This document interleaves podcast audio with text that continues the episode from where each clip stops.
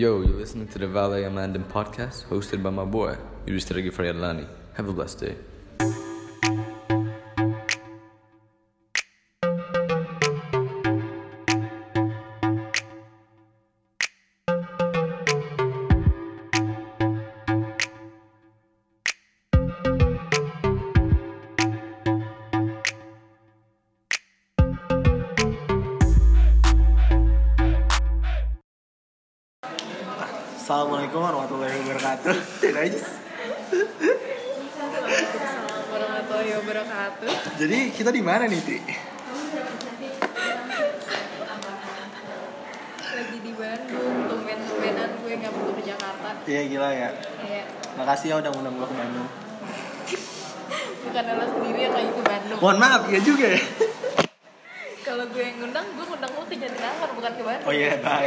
Emang lu mau mulangin gue dari Jatinangor ke Jakarta? Enak aja.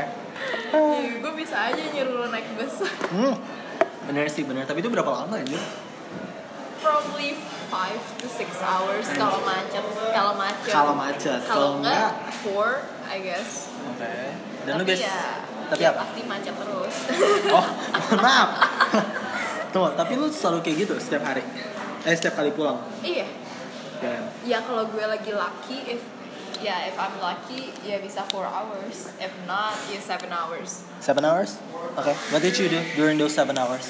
Listening to your podcast. Oh gila. Guys, if you haven't already subscribe to my podcast, follow it on Spotify and subscribe it to Apple Podcast. Jadi gengs, hari ini gue ngundang salah satu temen sahabat dan Oh. juga apa ya Apa tadi lo bilang? teman sahabat dan juga ini gue lagi mau gue lagi mau muji lu kok lu jadi nyetop gue gue langsung gak jadi dimuji yaudah dan selesai Enggak yang tadi lo bilang apa yang terbaik buat diajak jalan? I, I, I forgot. Iya yang terbaik diajak oh, jalan setelah. Setelah Savio Yas. Setelah Hai Savio. Savio Yas. nama dia Safiola Yazid Iya, Savio Yazid Abimantrana. Anjir, Vi, sumpah Vi, serem banget ya tahu nama lu jur. Ini serem banget sumpah. Kok serem sih? I read it of course. Oh iya benar benar benar. Benar benar benar benar. Ya kan? Ya udah. So geng, sering gue wawancara sahabat, teman dan juga teman cerita sih basically. Teman buat ngeren sama buat gila bareng tentang ide-ide radikal, cia ide-ide radikal. Parah deh. jangan jangan sampai disalah artikan ini. Iya nih, jak kacau dan ntar masuk Tribun News ada salah.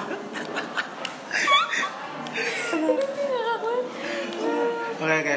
Eh, Ti, kita mulai pakai eh, kita mulai pakai basic questionnya dulu dong. Oke. Uh, for those who don't know who, Ti, who Mutia Fadila Hoirunisa is, who is Mutia Fadila Hoirunisa?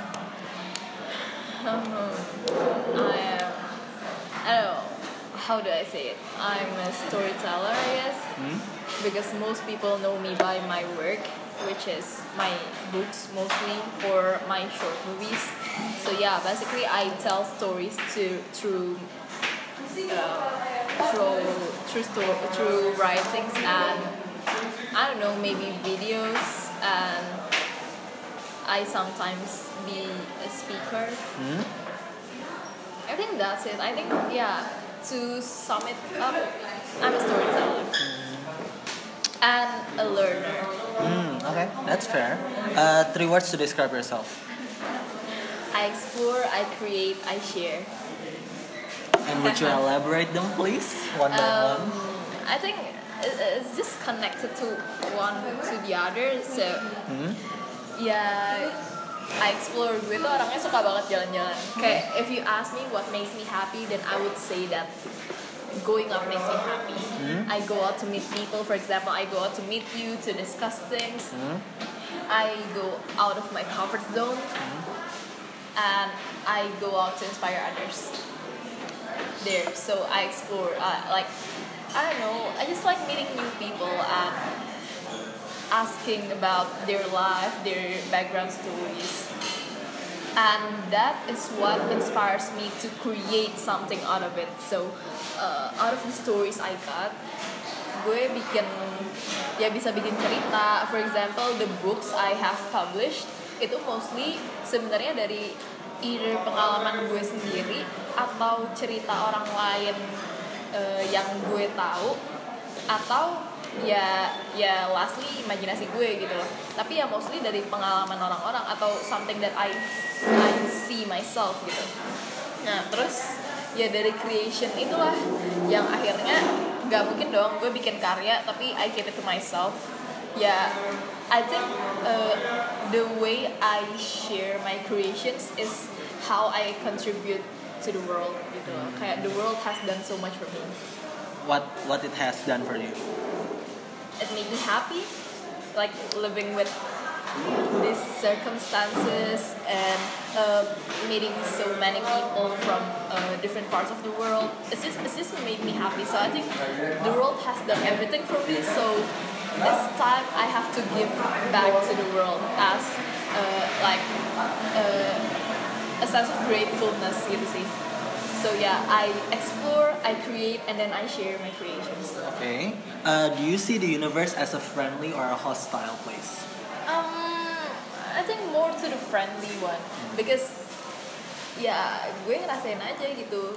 Gue ketemu for example uh, gue ikut kegiatan nasional nih. Gue ketemu orang-orang dari berbagai daerah.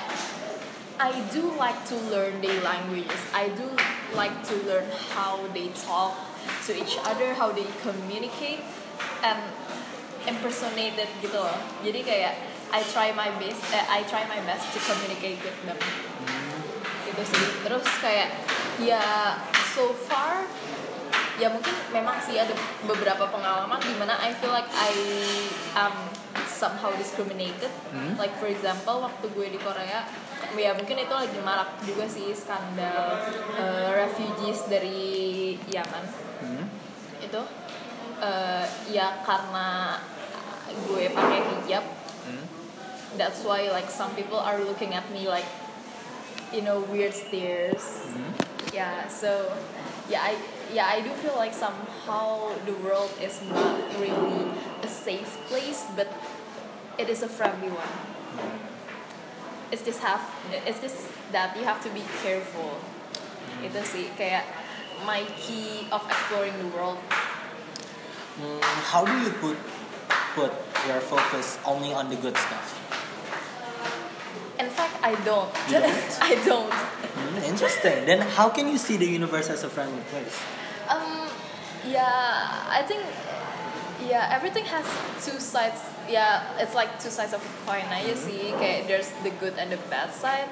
If you can look at the good side, why why you look at at the bad? Uh, gimana ya? Kayak ngapain sih lo ngeliatin kayak sisi buruknya ketika ada sisi baiknya?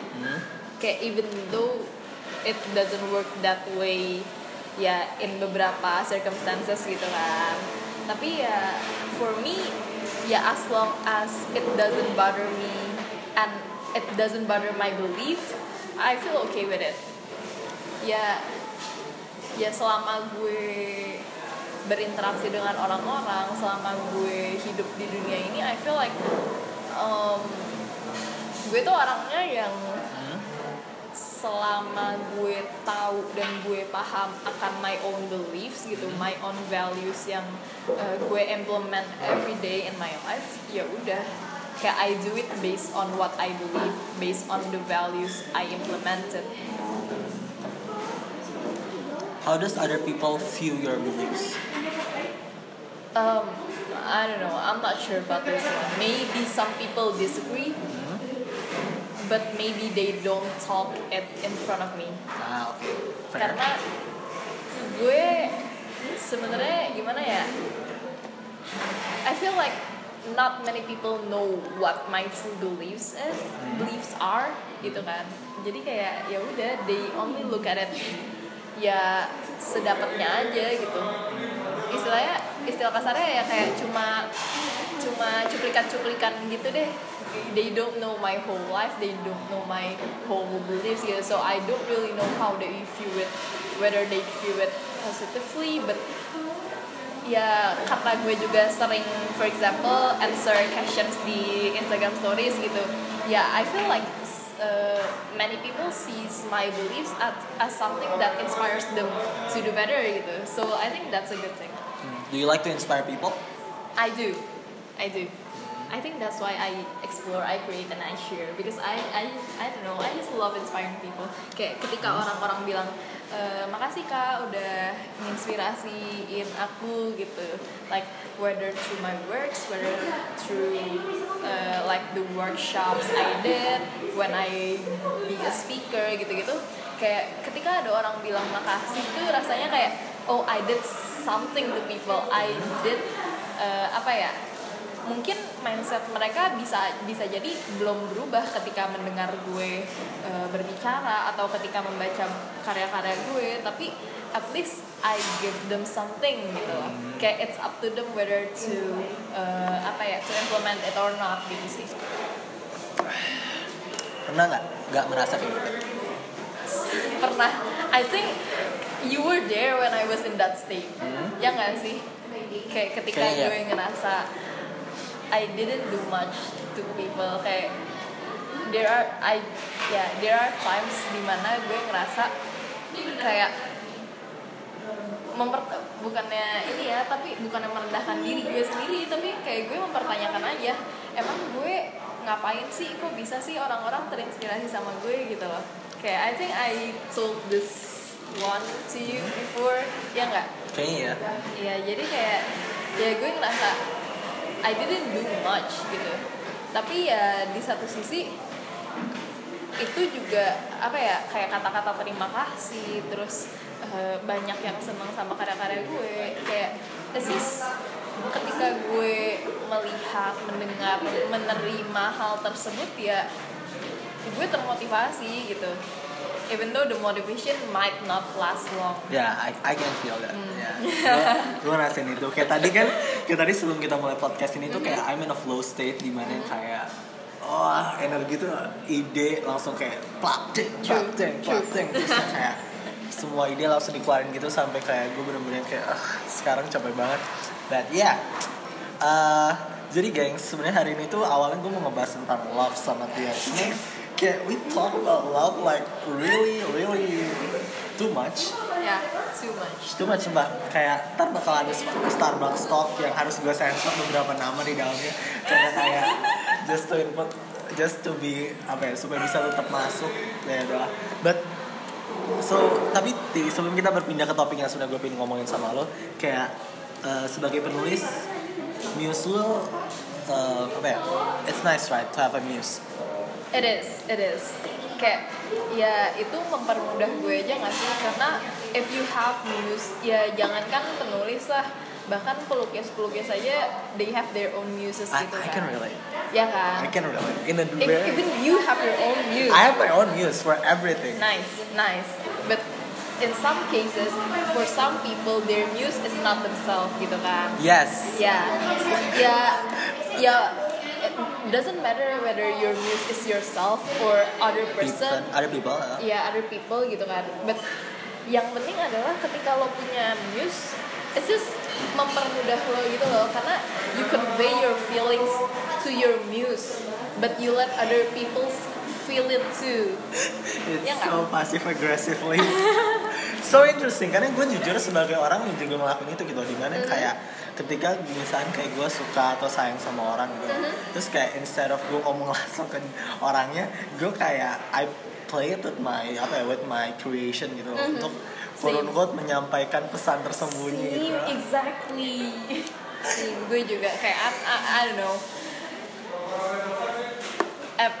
Nah never mind. I'm- Ntar kita bahas cinta jadinya. Jangan That's why I'm not going to talk about it right now. Oke. Karena karena gue sama Yega sebelum podcast ini dimulai kayak kita kita udah punya perjanjian gitu. Let's not talk about love today. No, it's not that it's not that we don't want to talk about love. It's just that sometimes we limited ourselves to romantic relationship, and love is so much more than romantic Mhm, relationship. exactly. Walaupun sebenarnya emang lu lu ngerasain uh, apa ya, apa ya, kayak ibaratnya tuh kayak drugnya dari drugnya love tuh emang lu ngerasain tuh di romantic relationship itu nggak bohong banget sih. Itu itu super bagi yang belum pernah ngerasain tuh wah gila sih. Lo udah gak pernah ngerasain belum? Wah sering. Let's not talk about it right now.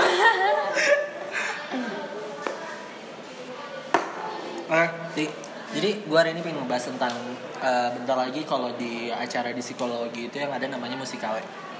Jadi musikale itu kayak semacam performer performance dari anak-anak simfoni. Anak-anak simfoni itu eh, basisnya itu anak-anak yang suka bermusik, seni, eh, lagu eh, bernyanyi pada dasarnya dan mereka kayak semacam konser gitu.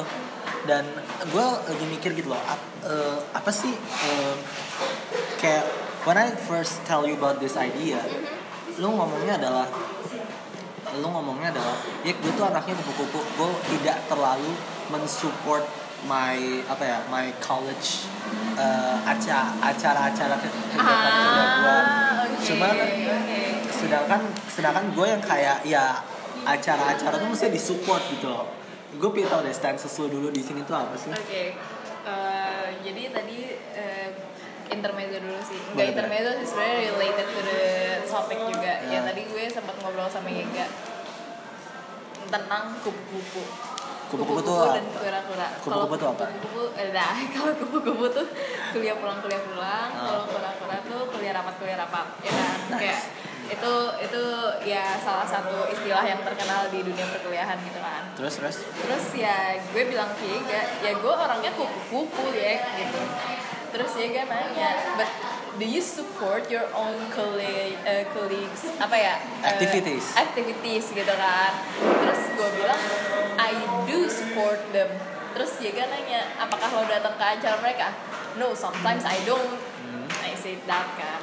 Ya di sini gue em, kerjaan gue kerjaan aduh berat banget. Nggak nggak apa-apa nggak apa-apa. Nggak let's let's be My- real let's okay, be real. Your work your work. My activities deh kegiatan gue kan eh, gue berkegiatan tapi gue tuh kupu-kupu.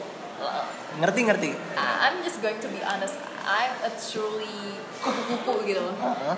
abis kuliah ya udah gue balik ke kosan. Atau enggak gue ke mana for example ke coffee shop or I don't know mall terdekat di Jatinangor. Satu-satunya mall di Jatinangor the beloved Jatos.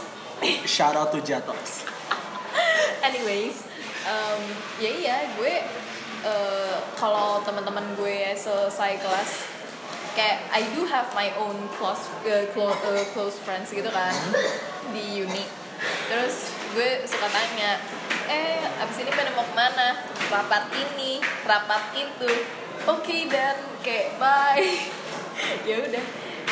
Ya I do support them gitu kayak support them morally. Heeh. ya gue gue ya gue semangatin gitu Ah. kalau mereka lagi down I I know they have their own hard times gitu Hmm. kan ketika things they things doesn't go the way they want it Hmm. ya gue bilang ya udah this too shall pass anyway I love how you say this to shall pass I, I just love that quote anyways Hmm. ya gue ngerasa di situ kayak ya udah I support them morally Hmm. but I do have my own activities to do I do have my own works outside the uh, apa ya my university activities gitu kan jadi ya udah gue kalau misalkan mereka ada acara sometimes gue datang gitu kalau gue bisa kalau waktunya memungkinkan dan emang gue lagi nggak ada kegiatan pada saat itu ya gue datang jadi lu bukan sengaja menghindari kan Enggak, no, I don't do that. Why Nice. would I do that? nice gue suka banget karena some Karena- people ada loh kayak gitu Oh iya, Iya. karena bagi gue tuh ya gue nge-support mereka pasti timbal balik lah. Mereka bakal support gue balik gitu. Hmm. ya it's, it's just how the society works. Gak mungkin dong lo misalkan lo acuh gak acuh gitu loh sama temen-temen lo tapi temen-temen lo bakal full ngasih full support ke whatever you do gitu kan. Gak mungkin gitu. It's just how society works kalau bagi gue sih gitu you talk about support kayak Mm-hmm. gue mau uh, kasih kayak semacam my stances on this part itu di mana kayak kayak I totally get where you coming from gitu di mana yang kayak ya kalau lo emang acara-acaranya tuh di luar dari fas fasilitas bukan fakultas yang lo milikin ya pasti ada kesibukan tersendiri gitu loh nah ya Amin kayak ya lo ngerasain lah gue waktu SMA gimana yang mana ya? Cia. Iya. Ala-ala dah. Nggak, tapi maksudnya loh. Kayak kalau di psikologi itu kan kita banyak banget kegiatannya. Lo semoga masih banyak kegiatannya. tapi intinya ada kegiatan-kegiatannya dan gue merasa sebaiknya tuh kegiatan-kegiatan seperti itu disupport gitu loh won't you agree gitu loh I do agree. dan gue merasa kayak orang-orang yang tidak nge-support ini gue bias jadi kayak untuk untuk orang yang kayak aduh ya gak apaan sih ya ini gue bias jadi let, let me state it that. Uh, cuma maksudnya gue pingin gue tadi ngomong gini ke uh, ke salah satu uh, teman gue uh, namanya uh, Kak Oja. Terus dia anak English Debate Society di UI terus dia ngomong gini terus gue nanya ke gini kak bentar lagi nih musikale musikale acaranya kan. Musikale itu bentar lagi akan ada eh, akan ada tampilan nih konser konser gitu. Kayak apa sih argumen yang gue bisa kasih ke orang untuk nonton musikale gitu loh? Terus dia bilang semua acara-acara tuh butuh feedback gimana caranya lo bisa ya quote unquote gini loh, dengan lo melihat secara langsung acaranya dengan lo terlibat langsung dengan lo nge-support misalkan sebagai penonton membeli tiket dan hal-hal sebagainya itu dan ikut nonton atau ngebantuin secara operasional gitu-gitu terlibat menjadi staff atau eh, kepala divisi gitu-gitu Oke, gue cut bentar. Boleh. Kalau gue beli danusan, support gak? iya dan Gue beli danusan temen-temen gue everyday. Even though gue gak nonton acaranya, even though gue gak terlibat dalam kepanitiaannya, gue beli danusan mereka sebenarnya paling everyday. sebenarnya itu yang paling penting sebenarnya dua, dua I love myself.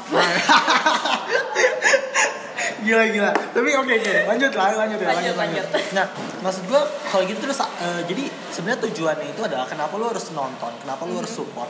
Itu kayak dengan dengan begitu lu jadi bisa memperbaiki acara ini untuk ke depannya di tahun-tahun berikutnya ya nggak Why is that so? karena ibaratnya gini loh kayak eh, kalau misalnya lu ikut dalam suatu kepanitiaan Mhm. atau misalnya lu jadi penonton lu bisa lihat dong oh ini gini gini gini oh ini saat kemarin tampil Oke. tuh ini ada yang ini ini, Oke. ini kok ini kayak ada eh, lagunya ada yang off key ya kok ini bagus banget apa yang perlu di enhance ya gitu loh But does it have to be your friends that support you? Kan pasti ada other people yang emang tertarik sama acaranya. yes Kenapa nggak lo nggak observe that uh, those people yang emang tertarik aja?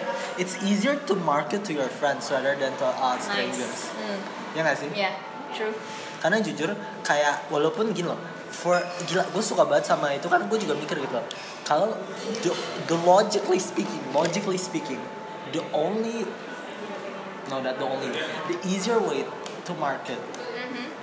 Is basically to your friends but the ideal way to market is basically for targeting your audience. Ya sih? Kita yeah. target audience kita apa? Yeah.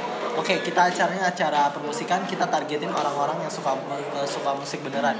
Acaranya tentang eh, camping-camping di gunung ayo kita ajakin orang-orang yang suka outdoor. Acara tentang lomba keilmuan ayo kita targetin orang-orang yang beneran-bener pintar. Cuman cuman apa lo tawa. Cuman gini gini, ini I'm not throwing shades ya, I'm not throwing shades. God damn it, Jir. Nggak nggak. Jadi gila nih banget orangnya kayak Satria, Jir. Syarat tuh Satria. Iya, cuma aja. Ya. Ya. Syarat tuh Satria. Anyways. Anyways, terus kayak BTW buat yang nggak ngerti, jadi tadi ada dua two lovely gentlemen kayak jalan di lewat kita terus Mm-hmm. foto bau setnya tuh ingetin nama sahabat gue yang sekarang lagi kuliah di Kanada. Iya. Anyways, terus dan iya jadi eh, kalau kayak gitu wajar dong. Terus ya berarti mestinya kita secara nggak langsung kita cek ke BEM UI misalkan, cek ke. BEM UI mana aja anak-anak yang kurang Tertarik. tertarik dengan eh, acara permusikan dong. Aha. Setelah itu kita nge-target ke mereka, tek tek tek tek tek, tek kita eh, kasih eh, kita kasih semua hal yang kita punya. Mhm. Setelah itu apakah mereka tertarik atau enggak? Ya at least kita udah mencoba gitu Oke.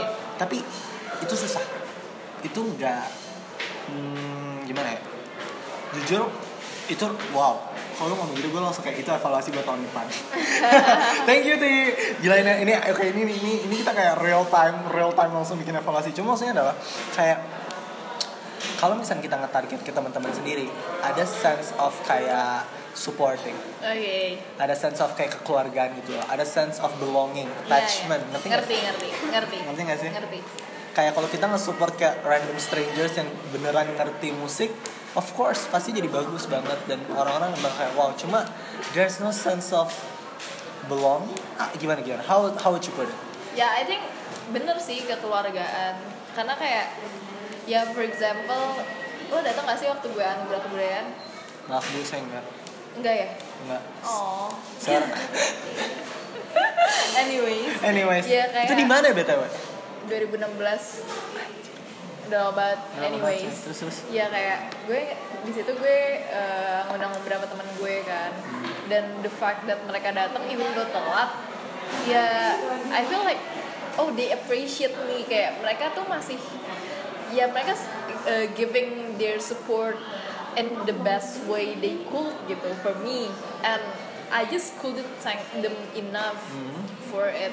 Ya gue ngerasa ketika orang-orang datang ke support gue tuh kayak oh mereka tuh benar-benar peduli sama gue ya. Karena uh, let's be real gue tuh kadang ngerasa I don't have anyone on my side gitu. Apalagi di kuliah ini gue doang yang kupu-kupu istilahnya lah kayak yang lain sibuk organisasi. Gue tuh organisasi cuma sebagai BPA doang.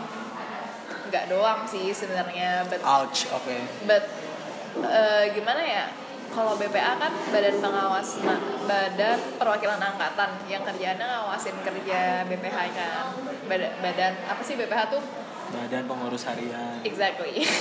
Pernah jadi osis bu? Mohon maaf nih.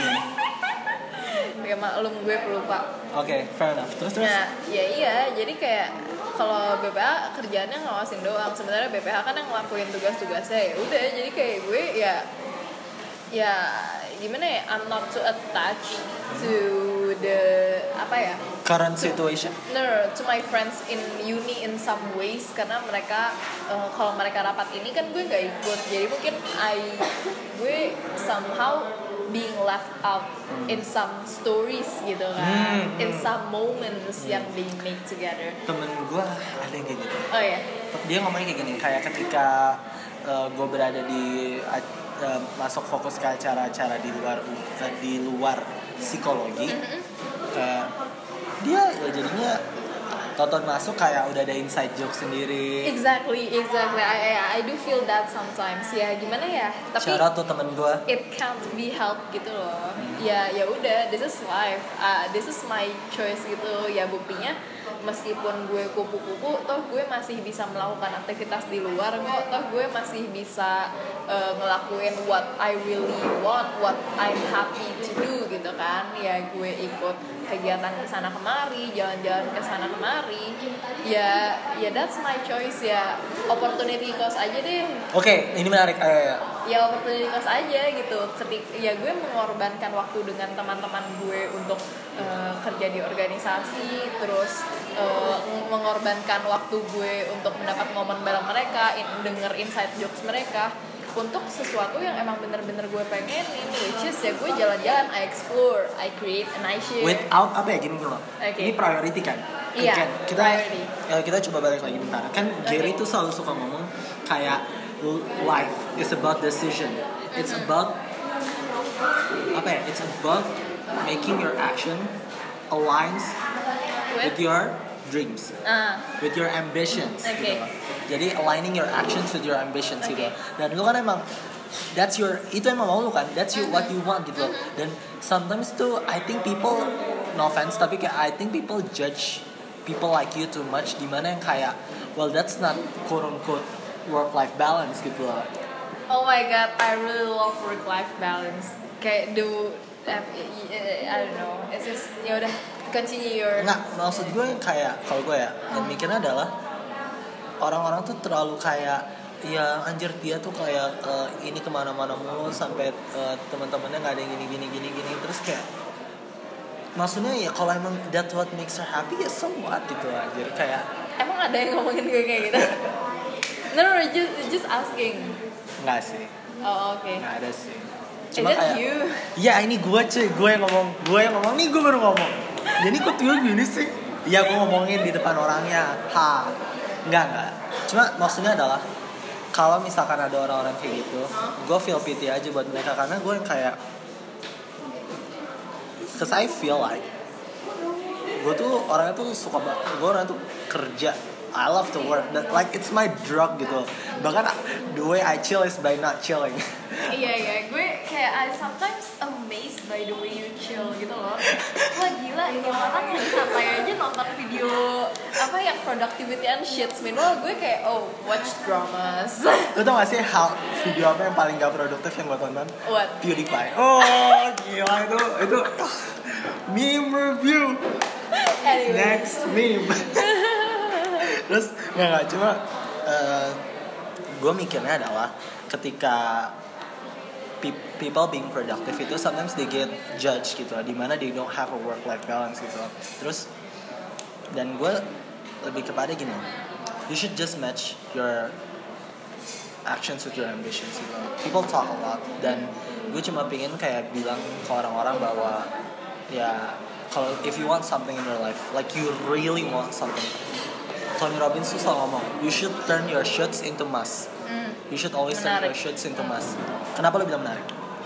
ya karena eh, mungkin eh, beberapa teman-teman di sini udah tahu ada mycreativetype.com yang tadi gue suruh coba tesnya itu lah ya ya jadi Tahu gue di eh, tengah jalan disuruh ngetes apaan coba. Itu gue lagi setengah mabok jadi kayak dan I just got my drug, my coffee terus kayak udah Iya, jadi kayak Terus, terus. mycreativitytype.com itu kayak ngejelasin kira-kira tipe kreatif lo tuh seperti apa dan tipe kreatif gue tuh orangnya visionary.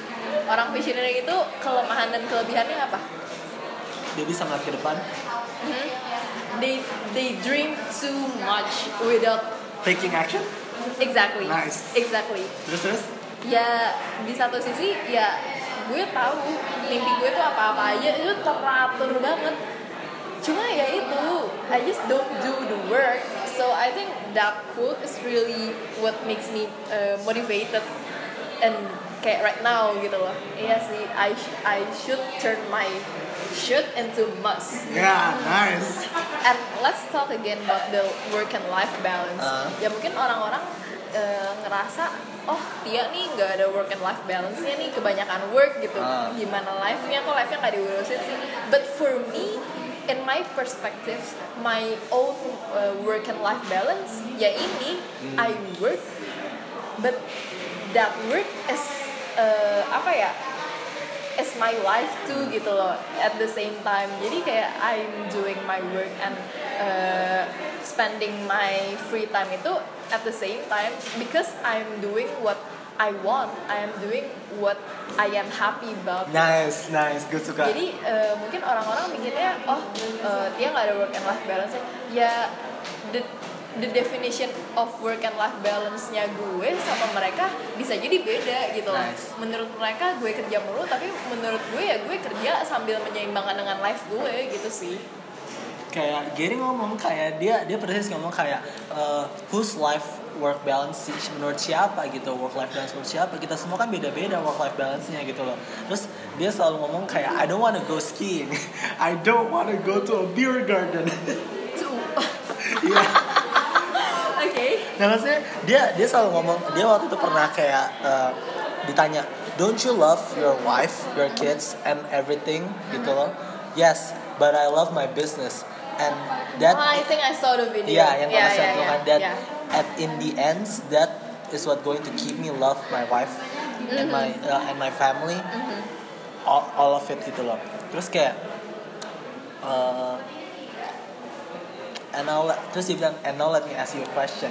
Kayak uh, kayak gini gini gini gini. Terus sama si cowoknya dia, dia ngomong iya soalnya kayak semua orang itu nyuruh gue untuk keluar dari comfort zone. Padahal comfort zone itu senyaman itu dan gue bener-bener gak keluar dan ini hidup hidup itu dinikmatin kayak ngapain lu keluar dari comfort zone? Terus dan gue paling suka ba balasannya Gary ada dia ngomong gini. Dia bilang kayak muzzle tov good for you. Kayak I'm not saying that I'm right do you kayak Iya gue suka banget tuh Kayak, kayak I do- love that part. Iya the kayak do you, but I'm just matching my actions with my ambitions. Mm-hmm. I would more likely to build a billion dollar business than you. Iya. Gitu. Dan gua- nah, nah, terus dia ngomong gini, look, I'm not saying that I'm right. I'm Mm-hmm. just going to more likely to build a billion dollar, business more than you. you. Mm-hmm. Might go to more vacations, you might go to your softball teams gitu loh. Lu bisa ngunjungin anak-anak lo setiap sekolah. Iya. You good for you, masuk off. Tapi kalau tapi jangan sampai lu datang ke gua dan komplain kenapa Komplain. bisnis lu kenapa bisnis lu tuh nggak tumbuh gitu loh. Dan kayak you know why it's not growing. It's because you don't put your money back into your business. You spend your money for yourself. Good. Do you? But life, it's about choices. Gila. Oh gila. Gua, gua, ah. itu shots fired banget shots blah shots fired banget sih bener-bener kayak wah gila sih I do agree with him Hmm. in fact I ya rasanya gue juga pengen ngomong itu gitu Ke orang-orang yang ngomong itu gak sih? Kayak Iya, enggak yang kayak Gue gak bilang gue benar Iya. Gue cuma bilang Ini gue menyesuaikan dengan action gue dengan ambisi gue emang salah bukannya benar. Kayak lu kan juga menyesuaikan eh, action lo dengan ambisi lo. Iya. lu maunya kan lebih ba- lebih Banyak- waktu waktu keluarga iya kan? terus lebih sering ketemu anak-anak lo nikmatin hidup. Nggak apa-apa lakuin aja sesuai dengan itu. Cuma lu kayaknya kemungkinan besar nggak build a billion dollar business sedangkan me, gitu unlike kan. me gitu loh. Dan gue kayak wow dang it anjir gue suka banget sama ya Allah ya soalnya dia selalu ngomong gini loh. Dia dia ngomong gini gue punya teman-teman yang make fifty thousand dollars a year but happy as fuck. And have people that like make satu juta dolar setahun but as sad as shit. Gitu. dan gue kayak oh wow that's life. Itu hidup That's life, that's itu hidup anjir. Ngerti gak sih? Kayak ada beberapa orang yang cuma jadi nelayan itu kayak bahagia banget. Tapi ada beberapa orang yang have a million dollars yang kayak nggak bahagia bahagia malah semakin banyak duit malah jadi makin ribet buat mereka nah makanya gue jadi kepikiran deh. Apa? Lo mending kerja sesuai passion atau kerja sesuai gaji yang lo dapat interesting. Sesuai passion. Tapi gini gini balik lagi kita let's talk about passion gitu. Oke. Passion itu tuh a side effect of mastery. Kayak gue pernah ngomong deh kalau yang di mana passion itu is a side effect of mastery. Kayak berdasarkan bukunya si Carl Newport dia nulis buku judulnya Be So Good They Can't Ignore You Be so good that they can't ignore you. It's a path to mastery, right? Ntar kita bahas ini balikin lagi ke acara musikal. oke Uh, so mastery ini menarik kata dia. Uh, ketika seorang tuh dalam proses mastery itu, berarti dia secara nggak langsung akan memupuk skill yang orang lain tuh nggak akan tahan. Quote unquote kenapa tahan? Kayak misalnya kayak gini, ketika lu main gitar, lu main lu main gitar kayak biasa kan, atau kayak lu main pianika deh, lu main pianika kayak biasa kan, kayak layaknya anak-anak SD main pianika. Ada orang-orang yang main pianika sampai mainnya itu udah kayak saxophone. Nah, that's having a mastery. Sedangkan kita yang kayak, oh ini satu, dua, ngerti ngerti. tiga gitu. Ngerti, ngerti. dan menurut apa ya SDT gue lupa deh. Itu itu S D theory T nya itu teori tapi gue lupa S sama D nya. Itu ngejelasin bahwa passion itu butuh tiga elemen pertama otonomi connectiveness connection. Jadi kayak lo connect sama orang sama creativity. Kalau misalkan yang hal-hal yang lo sebut itu sebagai passion dan gak ada tiga hal itu that's not passion. itu at seiringnya waktu lu bakal bosen. Dan itu nggak bakal jadi passion lu. apa aja tadi?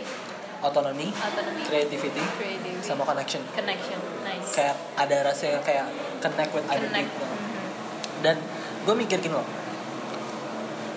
Lu you're a writer tapi lu bukan yang kayak tiba-tiba lu jadi writer di umur 15 terus kalau lu you decide to become a musician at the age of 18 gitu Mhm. jadi you don't dabble on things gitu. Eh, dan menurut gue ini prosesnya menarik gitu loh di mana kayak you're trying to build a mastery gitu loh ini proses gitu loh and I'm seeing you every day gitu loh trying to make a better version of that gitu loh tapi gue yang gue keselnya itu adalah kayak contoh misalkan musikal kenapa gue su- kenapa balik lagi ke argumen ini argumen kedua gue kenapa kalau ada acara-acara di harus di support Berlin itu harus support karena secara nggak langsung kita meng we're seeing mastery taking place. Dan nggak setiap saat itu bisa kita itu gue pernah ngomong ke salah satu pelatih di uh, musikal itu kayak gue ngomong ke dia kayak not every day that I get to see uh, mastery in place gitu. Thank you for letting me watch this gitu karena gue performance manager kan. Terus gue merasa kayak ketika mereka latihan tuh nggak orang-orang tuh ntar kalau yang nonton yang nonton itu eh, yang nonton pertunjukannya mereka nggak ngeliat proses. Sedangkan gue kayak gue tahu dari awal dari kayak gimana sampai bisa sebagus ini gitu. Yang kayak awalnya nyanyinya semuanya bisa suara bagus tapi belum belum apa nih namanya kayak belum nyatu sebagai Belum satu uns dinamis. belum dinamik gue belum kayak ya gue ngerti technical song, eh, suara sih. Tapi again maksudnya kayak dan tapi yang sekarang tuh yang kayak wow kayak gue yakin gitu loh ini bag ini bisa bagus gitu loh ini kayak bisa bagus. Dan karena gue melihat proses gitu loh. Nah orang-orang tahunya tuh lu pernah nggak sih lihat ini kasih quote di Instagram gitu ada gambar? Kayak orang-orang itu cuma melihat eh, di juara satu juara dua juara tiga tapi mereka ngeliat bawah-bawah bawahnya gitu loh. Dan gue merasa kayak pentingnya kita mendukung teman-teman kita yang misalkan ada acara apa acara apa acara apa karena sebenarnya itu kita lagi ngeliat mereka lagi belajar. Belajar untuk menjadi sesuatu yang ya you get what I'm trying to say right? Dan bayangin kalau society itu udah nggak mendukung hal seperti lagi itu langsung master itu jadi menjadi sesuatu yang tidak diagung-agungkan acquiring skills itu bukan menjadi sesuatu yang bermanfaat di society kita. Dan itu bisa membuat sebuah apa ya kayaknya lu anak kayak sos Kesos. kayak sos aja kayak lebih ngerti deh soal ini daripada gue gitu loh di mana yang kayak what happens if a society no longer supports acquiring skills as a valuable thing gitu loh what do you think? no longer appreciate them Iya. kan. Oh. Ya.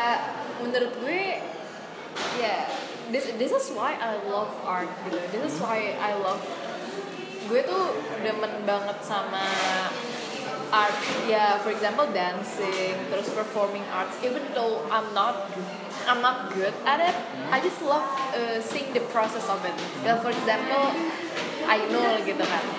I know started as just a, apa ya?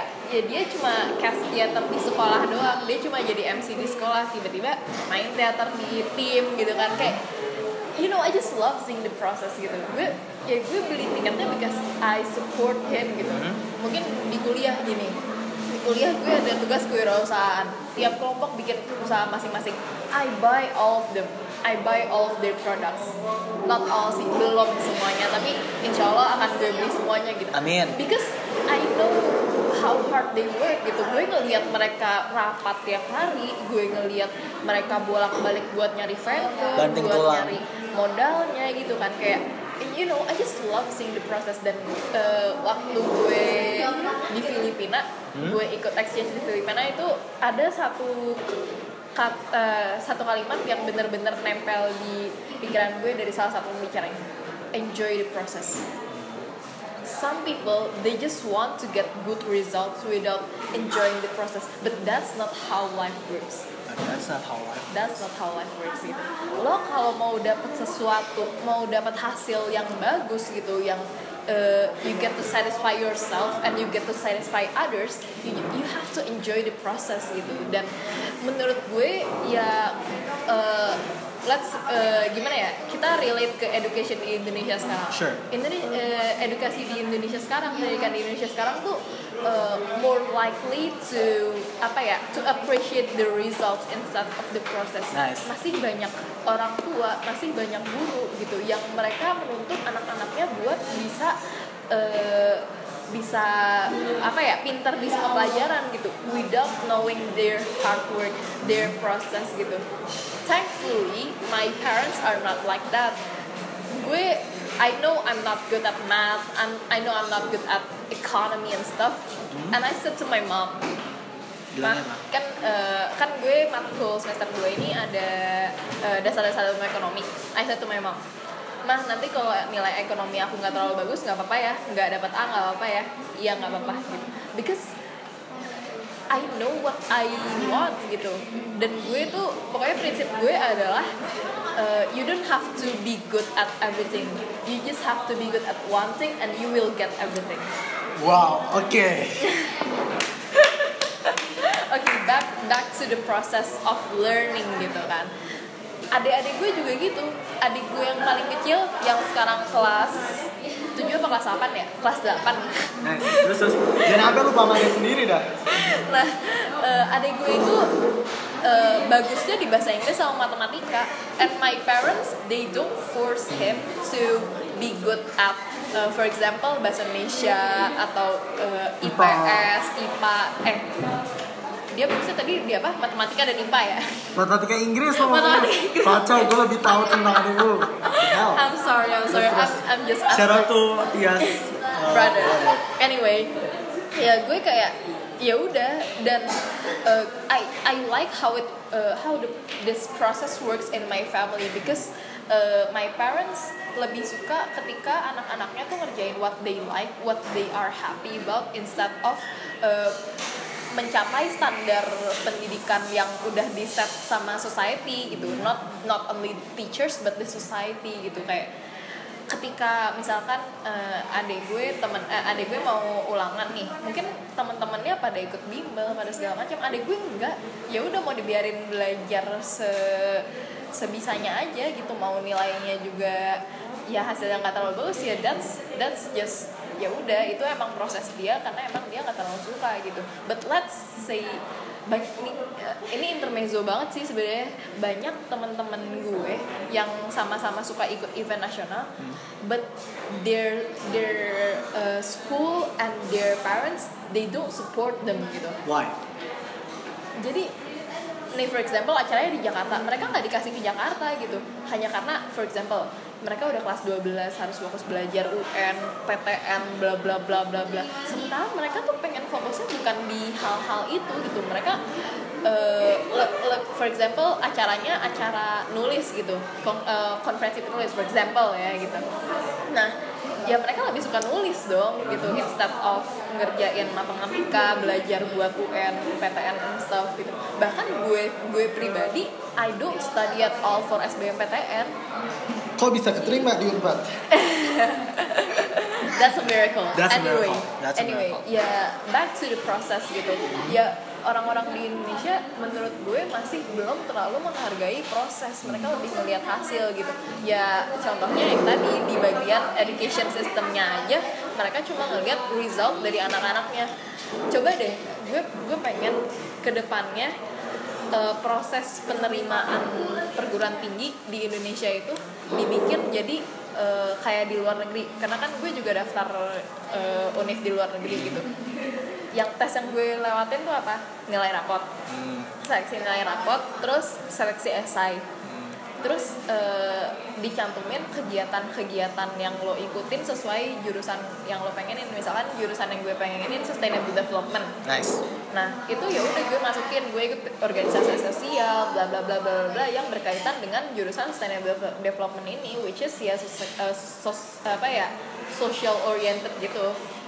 Nah ya udah jadi kayak gue tuh pengennya ini ini kayak ini mimpi gue banget sih. Kayak gue pengennya Indonesia ke depannya kalau mau bikin uh, seleksi perguruan tinggi ya sesuai skills and experience of the students gitu. Biar mereka nggak cuma ngelihat hasilnya which is the nilai yang tertera tertera di rapot instead of knowing the process gitu. Mungkin for example lo pengennya uh, masuk jurusan uh, matematika for example.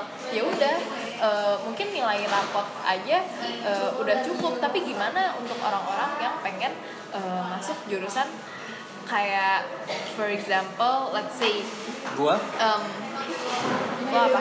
Psikologi psikologi. Ya mungkin uh, psikologi mungkin kegiatan lo bisa direlate ke organisasi-organisasi gitu.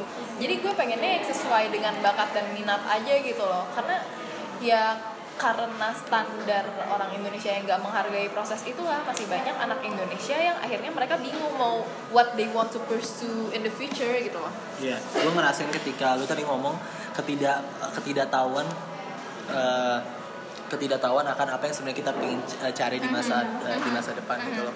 Kayak misalkan si Aska, uh, Charlotte Aska itu dia pernah ngomong sama gue, kayak dia ngomong kayak ih gila kalau Tia tuh kayak penulis, dia tuh psikolog, gue tuh apa ya? Kayak this is this is what this is the danger. Gila ini this is the danger of not actually uh, of not actually trying to love the process gitu. Nih, basically gini, growth mindset itu kalau kata Carol Dweck, the, uh, the book of uh, the author of the book mindset, Oke. dia bilang kayak gini, orang-orang yang growth mindset itu never never kasih apa ya, kasih semacam reinforcement for the result, tapi selalu ngasih reinforcement tuh for the process. proses Nah, dan gue ngomong gitu sama salah satu uh, uh, salah satu kepala departemen di uh, BEM psikologi UI terus dia dia selalu ngomong kayak ya gue tuh kenapa gue cinta sama yang namanya evaluasi? Dia ngomong kenapa gue uh, peduli banget sama apa yang namanya evaluasi? Karena evaluasi itu yang menentukan apakah proses yang dijalani dari A sampai ke Z di mana yang sampai garis finish itu apakah baik atau tidak. Dan dia selalu ngomong kalau misalkan prosesnya baik kemungkinan besar resultnya pasti so baik. Oke. dan kalau misalkan resultnya nggak baik berarti ada slip up slip up slip up ya slip up di prosesnya. Dan gue mau nambahin soal proses. Proses itu bukan berarti hanya naik progresnya. oh enggak ya ya kan? ya, Ya kan? Proses itu nggak cuma lo dari eh, dari angka satu tiba-tiba ke angka 10 gitu bisa aja lo dari satu terus ke lima terus ke tiga lagi Terus ke tujuh. ke tujuh terus ke ke Satu. delapan eh ke delapan lagi ke Ke satu, satu. lagi gitu itu that could happen gitu but that's just how we grow gitu bahkan gue aja eh, di salah satu presentasi gue gue pernah ngejelasin life process gue hingga gue bisa sampai saat ini gitu Nice. Terus, terus? kayak I start from zero terus gue ikut nulis terus tiba-tiba gue eh, ada saat-saat di mana gue ngedown gitu nggak pengen nulis sama sekali yaitu itu writing block writing writer's Iya, block writer's block gitu. Dan sama sekali gue nggak pengen yang namanya nulis gitu. Ada saat-saat di situ gitu. Terus ya udah itu my down process gitu kan. Terus ya tiba-tiba gue naik lagi. Gue mulai nulis bukan cuma nulis cerpen, gue nulis skenario gitu-gitu. Ya it's just it's just how life works and it makes me the way I am right now gitu loh. Gue bisa kayak gini karena gue belajar dari proses gue. Gue ngerasa ketika gue nggak produktif tuh kayak wah orang-orang tuh udah sampai tahap misalnya orang-orang udah udah sampai skala 8 kok gue masih di tiga tiga aja sih kok gue gak naik naik gitu. Itu tuh gue ngerasain banget. And, dan inilah mindset yang gue terapkan sekarang gitu. Kayak ya gue ngelihat orang-orang ya harus termotivasi bukan yang gue malah makin down dan stuck di situ aja gitu dan yang menariknya dari situ adalah sebenarnya tuh lebih baik tuh daripada kita compare sama orang lain kita selalu compare sama diri kita sendiri Nice, never nice. kayak kalau katanya Oke, si nice. Mm-hmm. kalau katanya si Jordan Peterson tuh di bukunya 12 Rules for Life tuh never compel no, never Compare. compares your future to somebody else's present nice nice karena dari startnya aja udah beda dari startnya aja udah Dari beda dari circumstancesnya aja udah beda Exactly. jadi kayak eh, kalau jujur gue seneng banget karena bentar lagi Simon Sinek bakal ngeluarin buku baru judulnya The Infinite Game dan The Infinite Game itu dia selalu ngomong kita tuh selalu battle sama diri kita sendiri we're battling ourselves gitu loh tapi emang gue yang start with why aja belum baca Iya. anyway Anyways, tapi ya poin kita ngerti kan inti Iya, iya. point start of why itu Iya. apa. Nah, cuma yang gue suka adalah ketika man itu that is really smart di mana kayak those people yang kayak those smart people back uh, there yang yang they they are in the ah, gila they're in the trenches of mastery gitu loh. Dan mereka trying to be better at themselves every single day. Dan gue selalu senang kenapa mereka semua tuh selalu jawabnya kayak I'm kayak I can be better gitu. I can always be better. Yang sama yang kayak gue ngomong di di post gue yang kayak ngomong you're grateful for where you are now but you know where you want to go gitu loh. Dan again again kita ngomongin soal balik lagi yang tadi soal proses, gitu. Proses. di mana kayak orang-orang tua di Indonesia itu mungkin tidak selalu menilai proses bahkan jujur kebanyakan dari mereka malah menilai itu tentang results gitu Iya. padahal the only way to get the result is you that you want is by actually trying to make the process better and better every day. Tapi gimana cara lu mau bisa make the process better and better every day kalau aja nggak melihat prosesnya gitu loh. That is so apa ya? Nice. Kayak itu ironi banget gitu. Dan again kita kita balik kita coba uh, agak ngehint dikit ke root cause analysis kenapa orang tua orang tua itu nggak nge-support uh, anaknya dalam soal proses apalagi soal mimpi mereka sendiri. Karena sometimes tuh ketika gue ngobrol sama ayah gue gue gue ngomong kayak "E, pak kayaknya bapak sama ibu perlu belajar lagi caranya menjadi orang tua. Terus mereka uh, terus bokap gue langsung yang kayak why? Wow why? Kayak kayak wow why? Kayak soalnya gue saat itu ngomongnya sambil nangis jadi kayak dia Oh, harus itu lo yang ngomong? itu gue yang ngomong gue kira gue kira your parents go to a psychologist or something like Enggak, that. enggak, enggak, enggak, itu gue yang ngomong. Karena gue anaknya berani-beranian. Dan saat itu gue lagi nangis. Jadi kayak mereka Ah, harus dengerin. okay. Saat itu bokap gue harus dengerin cuy. Karena gue lagi nangis man. Okay. Nah, uh, terus gue Terus gue kayak ngomong kan ke dia. Kayak, iya gila semua gini-gini gini Kayak kenapa sih orang Kayak terus bokap, bokap gue ngomong kayak Parents have their own anxiety Mereka tuh punya anxiety. anxiety-nya sendiri terhadap anak mereka. Gini-gini ketakutan sendiri yang kadang membuat mereka tuh jadi nggak takut akan masa depan gitu tapi oh my god ini gue seneng banget God damn it, ini gue seneng banget. Kemarin di wawancara Michael Gervais sama Virtual, mereka ngomong gini, orang-orang yang takut, the people that are afraid are those that are cheering from the sidelines. Sedangkan orang-orang yang gak takut, they're cheering from the backseat. Ngerti gak maksudnya? ngerti ngerti Jadi- ngerti Jadi, why, jadi the one of the reasons kenapa orang-orang tua di Indonesia itu enggak ini kita main root cause analysis ya. One of the reasons kenapa orang-orang di uh, di Indonesia itu uh, enggak nge-support anaknya akan mimpi-mimpinya itu karena mereka sebenarnya mereka jadi penonton dalam hidup mereka sendiri bukan menjadi seorang pemain. Mereka nggak pernah membuat memberikan kesempatan kepada diri mereka untuk menjadi seorang pemain dalam hidup mereka sehingga mereka nge-project keinginan itu ke anaknya sendiri. Dan oh gila. Man I feel gila. Gue I have the goosebumps right now. Karena ini bener ini kayak this is the karena dia- sekarang si Michael Gervais itu ngomong kalau lu seorang kalau lu seorang yang play if you're a player dan lu ngeliat anak lu menjadi seorang eh, seorang player. Player di sini bukan playboy ya gengs. Ini player asli. Kayak kita lagi kayak Pemain dalam hidup ya gitu. pemain dalam hidup gitu. Kalau orang tua lu ada pemain dalam hidup. Ketika anak lu gagal dia kayak oh I hope my kids are having fun. Kalau orang tua lu adalah penonton kelihatan orang tua lu penonton atau pemain itu kelihatan. True true. Gila itu itu gue yang kayak ini, ini contoh ini contoh contoh simpelnya gitu ya. Ah. ya you know lah kalau ospek itu suka dimarah-marahin. Ah. gue suka misuh-misuh gitu ke cerita ke nyokap gue. Mah iya ini hari ini aku ospek dimarah-marahin. Nyokap gue ya udah jalanin aja gitu. Toh, ntar bakal lewat bakal lewat juga. This too shall pass. This too shall pass. Gila gue demen banget sih. Ya udah gue kayak ya for example kita pas di lab school kayak ada ada Ini not throwing shades ya, not throwing Not shades. throwing Ini throwing the shade. truth. Iya. Kayak gue waktu kelas 10 kayak iya dimarah-marahin gini gini gini apa disuruh argumen lah segala macem pokoknya gue mesti misuh-misuh dah ke nyokap gue terus kayak nyokap gue bilang ya udah jalanin aja ketawain aja gitu toh eh, ntar juga baik lagi gitu kan kayak my mom is like karena kalau Wow, iya, prinsip wow keren banget. Oh wow, my god, itu keren banget. Iya, Kalau- you know your parents were kalau- iya, yeah, when your parents. prinsip karena gue tahu my uh, the backstory of my parents gitu. Nyokap gue dulu itu dipaksa sama orang tuanya gitu sama eyang gue untuk uh, masuk teknik. Padahal nyokap gue tuh pengennya masuk psikologi Oh, gitu. wow, terus, terus? Hmm, jadi kayak yang nggak sesuai sama passion dia dong. Makanya she doesn't want her kids to be like that to be like her gitu. Makanya gue nggak pernah dipaksa buat disuruh masuk teknik Tapi in buat a masuk way mau jadi masuk psikologi. In a way lu mau masuk psikologi. because that's what I want in Oh, that that's- time. That's in interesting. That. That's interesting. That's interesting. Itu lu yang mau atau lu kena projectionnya dia? gue yang mau, Oke. gue yang mau gitu. Karena gue emang tertarik sama waktu itu gue lagi tertarik banget baca-baca eh, tentang DID. Oh wow, oke. Mhm. Mhm. Itu sampai kayak gue punya koleksi buku-buku tentang DID gitu loh, Wow. kayak cerita-cerita yang ada tentang topik DID-nya gitu. Oke, back to Back the to the topic topic, gitu. nah. Ya nyokap gue kayak karena karena nyokap gue nggak pengen anak-anaknya kayak dia, ya udah eh, nyokap gue nggak bebasin eh, anak-anaknya to just pursue what you want gitu, your passion gitu. For example, adik gue mungkin nggak suka nulis, tapi adik gue sukanya main game gitu. Eh, he want to be a game developer gitu. Ya udah eh, dibebasin aja gitu, nggak mesti masuk SMA, SMK juga nggak apa-apa gitu nyokap gue tuh se se carefree itu loh sama anak-anaknya.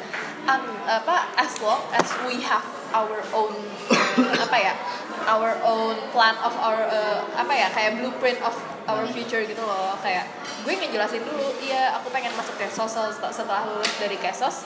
Kesos ini kesejahteraan sosial ya btw guys in case uh, they don't know gitu kan ya iya aku pengen masuk kesejahteraan sosial terus ntar lulus pengen jadi peksos pengen kerja di UNICEF bla bla bla itu itu Nice, udah gue jelasin gitu. Makanya nyokap gue setuju karena gue udah punya uh, blu- uh, blueprint yang jelas gitu. Adik gue juga mau masuk SMK multimedia terus nanti jadi uh, game developer atau enggak kerja di ya pokoknya di bagian game gitulah they know what they want gitu. Dan ya udah mau mereka matematikanya jelek mau for example oh my God. iya sosialnya jelek IPS-nya jelek gitu kan. Itu kayak ya udah yang penting they know what they want. This is why I love seeing others uh, uh, processing gitu loh. Iya kan. uh, Hmm, kayak I just love kayak kalau misalkan gue ngeliat story story Instagram teman-teman gue yang kayak mereka ikut kegiatan ini kegiatan itu gue gue seneng banget. Because they are doing what they want. Hmm. gitu loh. Ya karena gue tahu eh, latar belakang mereka di mana beberapa orang tua mereka atau sekolah mereka mungkin mereka nggak setuju mereka Kurang ngel- nggak setuju. Nggak setuju mereka ngelakuin hal itu gitu loh. Jadi kayak ketika gue ngelihat they are finally doing what they want wah gila gue seneng banget. Padahal gue bukan padahal gue bukan yang ngelakuin kegiatan itu gitu loh it's just I don't know I'm just happy about life Now, now here's the itu gue ngasih root cause analysis ini ke- Oke. ke, temen gue ke Oke. Kamahari atau Kamahari kan yang gue kasih tau itu di podcast. Eh, Kamahari tuh punya, nah nanti lu cek aja namanya futureparentsproject.id. Terus eh, future parents, ya kayaknya future parents sih. Seingat gue itu kayak Instagram eh, Instagram kayak dia sama temen-temennya yang ngepegang handle-nya gitu. Nah, yang menariknya adalah itu ngomongin soal orang tua di orang orang tua masa depan kan. Lu tau gak yang menurut gue kenapa lu harus 100% this is the reason why you should support your friends when they're going in a path of mastery. Karena kalau lu enggak dan mereka ntar endingnya memendam mimpi yang mereka punya itu, mereka akan nge-project itu ke anak-anak Anaknya. mereka. uh bener banget bener banget gila gila Sumpah, gila bener percaya banget Oh atau enggak, ini dengerin. Iya, iya, iya. Ini dengerin. Ini satu-satunya argumen gue yang super valid kenapa lu harus nonton musikale. Ini bias biarin aja. Ini bias. Tapi dengerin gue dulu, dengerin gue dulu. The only reason, ini the only practical reason kenapa lu mau kenapa lu mau nonton atau nge-support temen lu acara apa pun mau musikale kalau di Siko ya gue gak tau di Unpad cuma kalau di Siko tuh kita ada musikale ada Saiken. Iya gue nggak nonton Raja kemarin gara-gara gue harus ngobrol sama bokap soal nangis yang tadi gue jelasin ke kalian itu. That's why gue nggak nonton Raja. Terus tapi iya maksud gue kayak that is the single most practical reason kenapa lu harus support teman-teman karena the moment mereka sadar proses yang mereka lakukan itu udah nggak dianggap bernilai sama teman-temannya, sama lingkungannya, sama society. They will repress it. They will repress those dreams. Dan ketika ntar mereka punya anak, anaknya itu bakal kena projection dari itu. Dan akhirnya mereka menjadi penonton. Dan anak-anaknya juga akan jadi penonton. And it will be a cycle of loop di mana semua, di mana dunia itu akan menjadi penonton. Gue nggak bilang lu nggak boleh jadi penonton loh. Gue nggak bilang kayak gitu. Gue cuma bilang alangkah sayangnya kalau semua orang tuh bisa. Again, balik lagi ke yang kemarin, balik lagi yang tadi kan. If you wanna be a, ini, if I you wanna, just love how you say it the Gary way anyways. Enggak, terus kayak, oke, again, gue nggak menyalahkan penonton, cuma gue bilang sangat disayangkan kalau misalkan orang tua instead of supporting their children's dream gitu. Ada dua cara, either, either balik lagi kayak lu support teman-teman lo supaya ntar mereka bisa mencapai mimpi mereka, mereka bisa menggapai apa yang mereka mau. Setelah itu mereka nggak perlu project itu ke anak-anak mereka, dan it will help to better to be to create a better society for all of us gitu. Gue tahu lu mikir kayak anjir apa gunanya eh, satu support orang kalau misalkan tentang kayak gituan doang gitu. Gengs di di matematika ada namanya chaos theory. Cari tahu tentang chaos theory gimana yang kayak chaos itu tuh terjadi sesimpel kayak satu sen- satu pergeseran di titik x gini kita di lo tau sumbu x sama y kan Iya. lo tau nah sekarang coba bayangin sumbu tiga dimensi x y z x y z. Iya, iya. oke lo bayangin aja. Lo bayangin gerak dikit aja itu bisa beda sama lo misalnya di posisi sebelumnya Mm-hmm. itu separah itu chaos theory di mana yang kayak lo nggak support sama nggak nggak support temen lo tuh sebenarnya itu nggak efek. Itu sebenarnya efek banget parah. You don't know how kayak the way that reality works I believe the way that reality works that I believe I'm not saying that I'm right but I'm saying this is what I believe. What I believe re- reality works reality works not in a ini bahasanya ada dua. Ada Newtonian ada quantum physics. Newtonian itu kita percaya sama cause and effect. Cause and effect gini gini, kalau di quantum world itu kita percaya kita bisa kurun kita bisa create reality. Nah gue percaya in a reality that I want to create gitu. For a better society for all of us. Itu di mana semua orang tuh nge-support mimpinya masing-masing. Di mana orang tuh ini ideal banget ini utopian banget fuck it. Cuma maksudnya gini loh kayak satu yang pertama adalah untuk anak-anak tell them. Son daughter kayak support I, I support I love you gitu. Kayak gue support support your dream 100% True. terus yang kedua untuk orang-orang tua yang bilang kalau mimpinya nggak bisa dicapai lagi. For Gary suka ngomong for those 55 years old that ha, that mikir kalau mereka tuh udah keluar dari gamenya. Ingat Gary itu mulai eh, bangun Vayner Media di saat umur 34 tahun with zero dollars dia bing dia bangun uh, VaynerMedia di umur 34 tahun. Morgan Freeman itu baru buat apa ya baru dapat big breaknya itu sa- saat umur 42 dan Jay Shetty itu was not relevant two and a half years ago. Bayangin what can you do in a two and a half years? That's what Jay Shetty did. That's what Jay Shetty did. Bayangin dia bayangin lu nggak tahu sama sekali orang monk yang kayak itu terus tiba-tiba masuk Allen lah masuk inilah Iya. masuk itulah bahkan masuk podcastnya Jake Paul. Kayak dan itu dan kayak lu bayangin dan itu dua setengah tahun yang lalu. Look what can you do in a two and a half years? Bah ah. kayak dan dan gue nggak dan gue selalu ngomong ke nyokap bokap. I try to at least kayak gue selalu ngomong this is my life this is my dream you guys have your own life you have your own dream. Why not we try to go after it gitu loh bareng-bareng. Exactly. kayak kenapa nggak kita saling support? Create a system di mana yang kayak kita bisa saling support orang tua kita untuk menggapai yang mimpi-mimpi mereka yang belum pernah tercapai. Dan mensupport dan mereka untuk mensupport kita untuk menggapai mimpi yang kita ingin capai gitu it's this is not to talk this is not like this is not the 2000s this is not the 1990s this is not the 1980s the 1970s ini medical tuh udah jujur ya medical tuh will catch up so fast dan kayak mungkin kita bisa nge-transfer consciousness kita ke dalam ke dalam sebuah mesin sekarang gitu. To the point gimana yang kayak separah itu gitu. Dan alangkah buruknya kalau lu udah mematikan mimpi lo aja begitu aja. Lu tahu gak sih kayak ini gue nge-rant banget karena gue kayak wow. Ngerti gak sih? Kayak Virgin Galactic. Lu lu tahu Richard Branson? Dia 88 tahun coy. Dan dia masih mau ngirim orang ke bulan. Gue kayak aduh terus dan gue kayak sebel ketika ada orang tua yang masih nge-project mimpinya ke True. ke anak-anaknya sayang banget jir kayak mereka masih punya they still have 30 years in their life 30 30 goddamn years gitu aja kayak dan lo bayangin dong ketika anak-anak yang nggak suka sama oke lah kalau misalkan yang mimpi yang dimimpiin orang tua mereka sama dengan mimpi anak mereka Ya, gitu. good- good for ya them. good for them gitu but what if they are not the same gitu kan ya anaknya will not be happy forever might not be happy forever gitu loh. And it will damage keturunan mereka gitu loh. Hmm. ya nggak sih? Kayak karena ini ini gue ngerasain aja ya gue tahu success story di mana eh, ada temen gue yang waktu SMP nyokap bokapnya sama sekali gak nge-support mimpi dia. Hmm, terus kayak pas SMA ini akhirnya nyokap bokapnya belajar lagi parenting dan akhirnya nge-support mimpi Wow. si temen gue ini. Orang tuanya growth mindsetnya jadi tiba-tiba meanwhile gitu meanwhile ada temen gue satu lagi yang eh, orang tuanya kurang support mimpi dia gitu loh. Kayak apa yang dia lakuin for example contoh lakuin. contohnya contohnya gitu. Misalkan lo suka bikin podcast gitu. Ah. Gak di gak disupport sama orang tuanya gitu. Ya dianya uring-uringan uring-uringan dalam artian ya dia pengen nyoba kabur dari rumah segala banyak doing the the apa ya the bad things. Gue nggak bilang bad things Nggak. juga sih kayak he's just matching his action to his ambition no Ya, offense iya.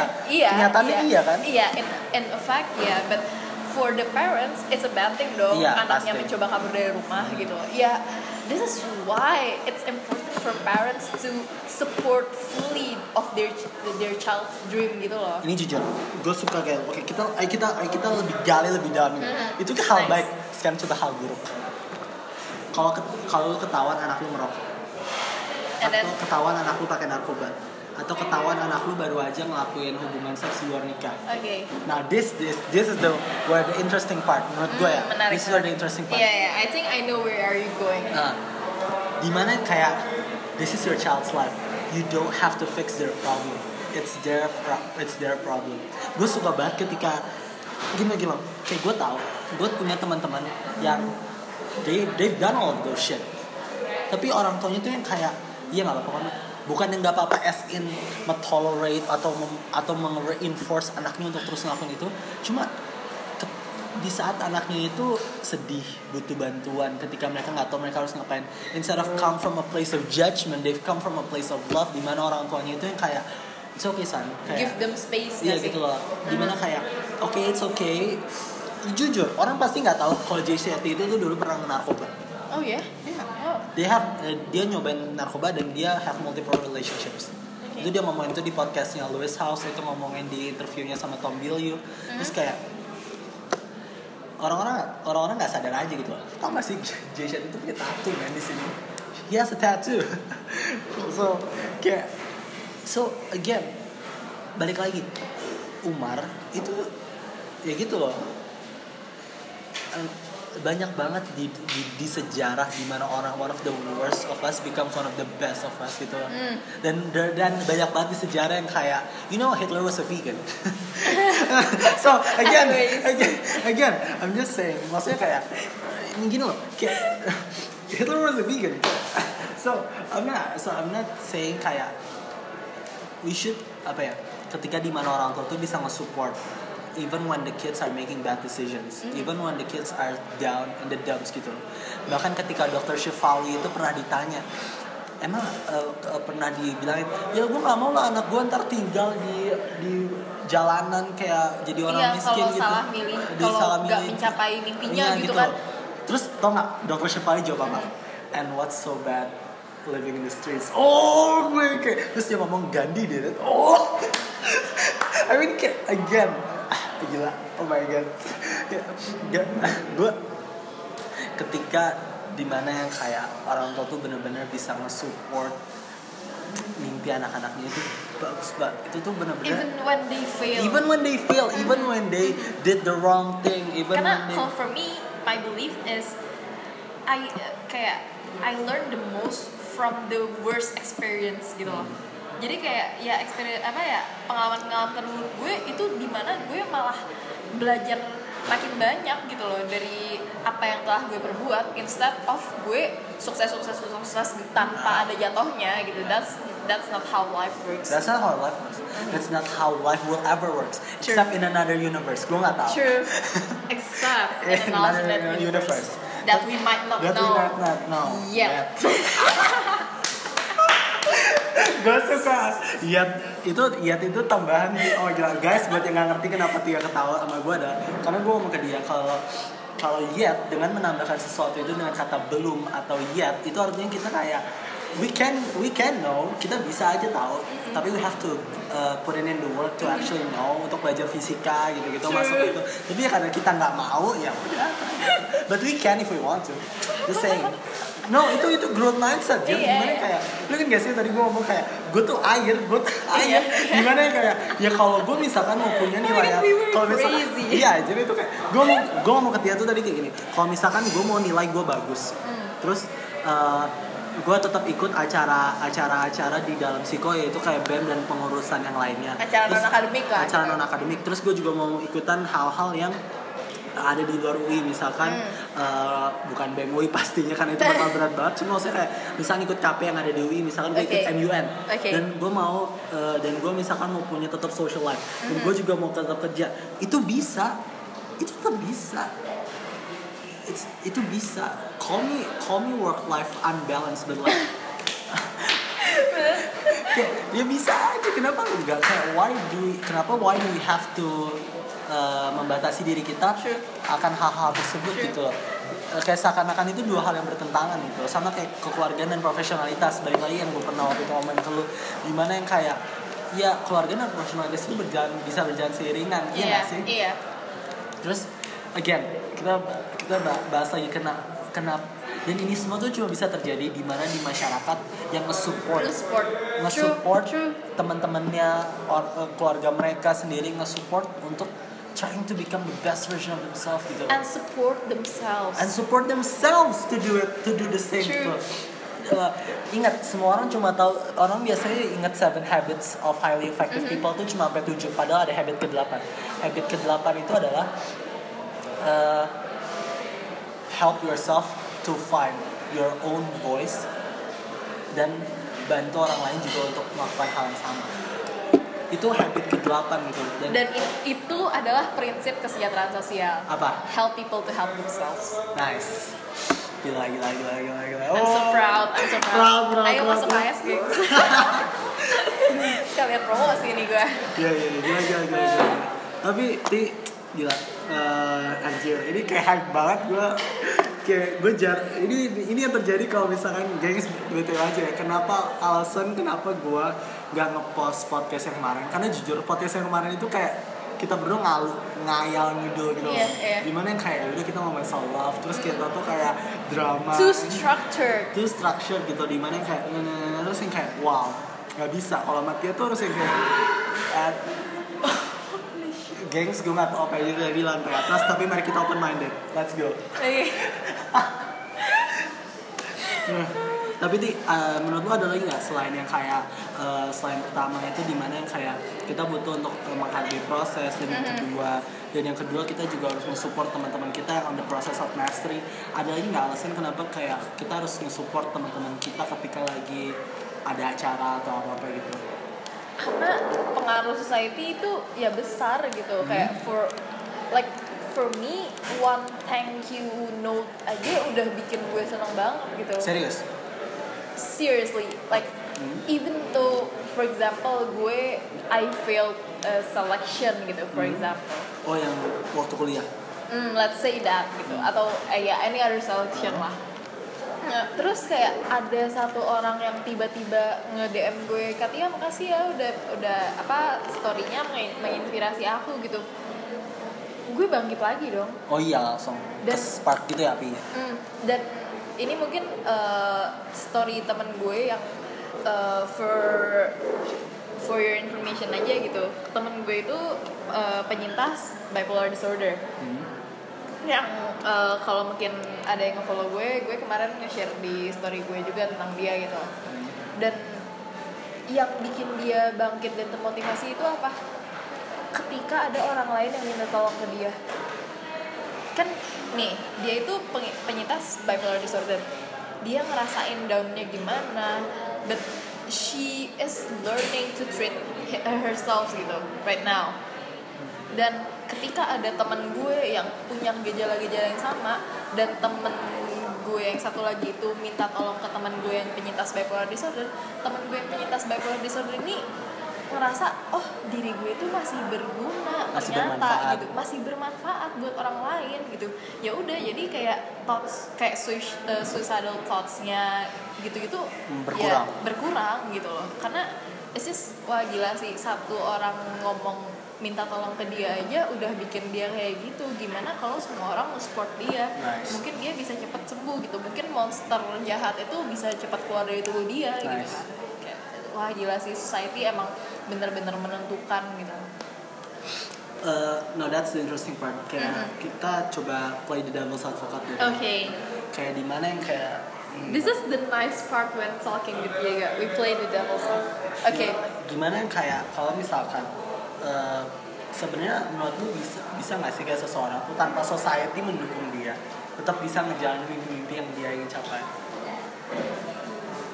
Hmm, lo inget gak pertanyaan di My Creative Type tadi apa yang uh, Does everyone truly connected yang semacam itu? I rephrase it. ya Ya kan? is everything is- connected? is yeah, is everything connected gitu. And you say true. Ya ya itu there there there goes your answer gitu. You cannot just work alone. You you have you must have others peop- uh, kayak others help gitu. Atau enggak at least support gitu. Nggak mungkin. Gue gue trying pernah to rephrase it. gue gue pernah nanya gitu ya di kelas gue. Gue nanya ke dosen gue bisa nggak sih pak orang yang eh, tumbuh di dalam kotak kosong tanpa apa-apa eh, tumbuh seperti orang biasa? Ya nggak bisa lah karena nggak ada interaksi sama sekali dengan orang-orang. Minimal manusia itu zoom politikan kan? Kita we cannot live without others gitu kan? Ya ya that's I think that's the explanation of why the, gitu. the fun part Mm-hmm. is are we a human? Are we? No no no. Are we are we are we Mm-hmm. a human having a soul experience or are we a soul that are having human experience Interesting. Kalau menurut di agama kita ya, kayak we're a soul that having a human experience kan. Oh ya? Iya. Ya. Kayak jadi iya. Dia langsung kayak damn. Ya, jadi we're a soul that having a human experience. Dimana kayak ya ini ya this is we having a human experience. Dan I don't know sih, gue ngerasa kayak selagi gue masih di sini tuh why waste why waste it gitu. Why not why not try to live the very very best. best gitu. Yang sampai to the point di mana yang kayak not oke deh kita coba rephrase itu deh. To live a life based on your based on what do you actually want.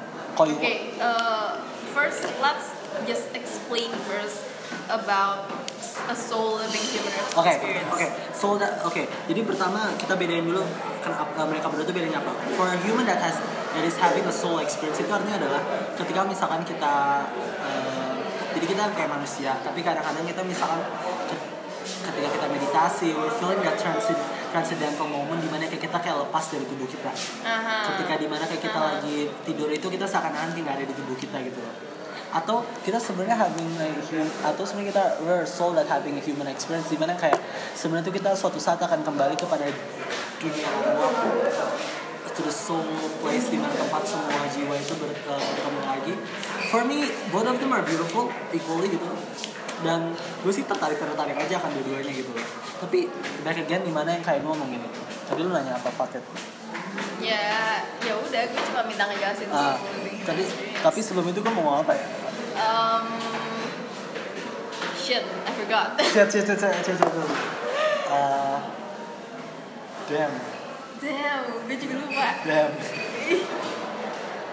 ya lo tahu gue pelupa Asli, ini masih ini lama apa jangan dipotong tapi ya. ya Eh, kenapa? Oke, kita nge-refer. Oh ya, what do you want? What do you actually Uh, want? uh-huh. What do you What do you actually want in your life gitu? Maksudnya gini. Kalau menurut Jung, kalau menurut Jung, Mhm. Carl Jung, dia Carl bilang ada archetype itu ada 12 dan salah satu archetype yang paling gue bingung itu adalah regular guy or girl gitu. Di dunia ini emang harus ada orang-orang yang mungkin archetype-nya itu untuk menjadi orang-orang biasa, Biasa, aja. mhm. I'm not saying makanya again, I'm trying to say that people need to match their itu their So, actions like, with uh, their ambitions. ambitions. Itu sesimpel itu aja gitu. Dan alangkah sayangnya jika ada orang-orang yang sebenarnya tuh bermimpi tinggi tapi direndah-rendahkan gitu. Sampai gara-gara harus ngikutin keinginan orang tua mereka gitu loh. or the standards of the society atau the, itself atau the standard of the society itself atau mereka nggak disupport sama society Uh-huh, gitu loh uh-huh. dan itu kayak sedih aja kayak I feel terrible gitu untuk orang-orang kayak gitu kayak sayang aja sayang bener-bener kayak sayang seribu kali sayang aja bener bener Iya. bener iya gue juga ya gimana ya kayak lan ya lanjut dulu deh. Ya kayak gue sama Tia tuh kadang kita bisa yang kayak sedih gitu di mana kayak sayang coy beneran sayang aja. Kayak kalau lu misalkan merendahkan kemampuanmu sendiri gitu. Henry Henry David Thoreau tuh ngomong kayak gini. Setiap orang uh, everyone has a shit. everyone has a song that they're supposed that they suppose that yang harus mereka gini deh karena gue ngomong soal English. Kita gini kayak you've been doing that for like the duration. Okay. Terus? Almost one and a half hour. Anyway. Terus kayak they have a song which they have to sing to. Artinya adalah setiap orang tuh punya lagu yang mereka harus nyanyikan dalam hidup mereka. Ah. dan beberapa orang membawa lagu itu sampai ke dalam kuburan. Sayang aja. Is this Coco?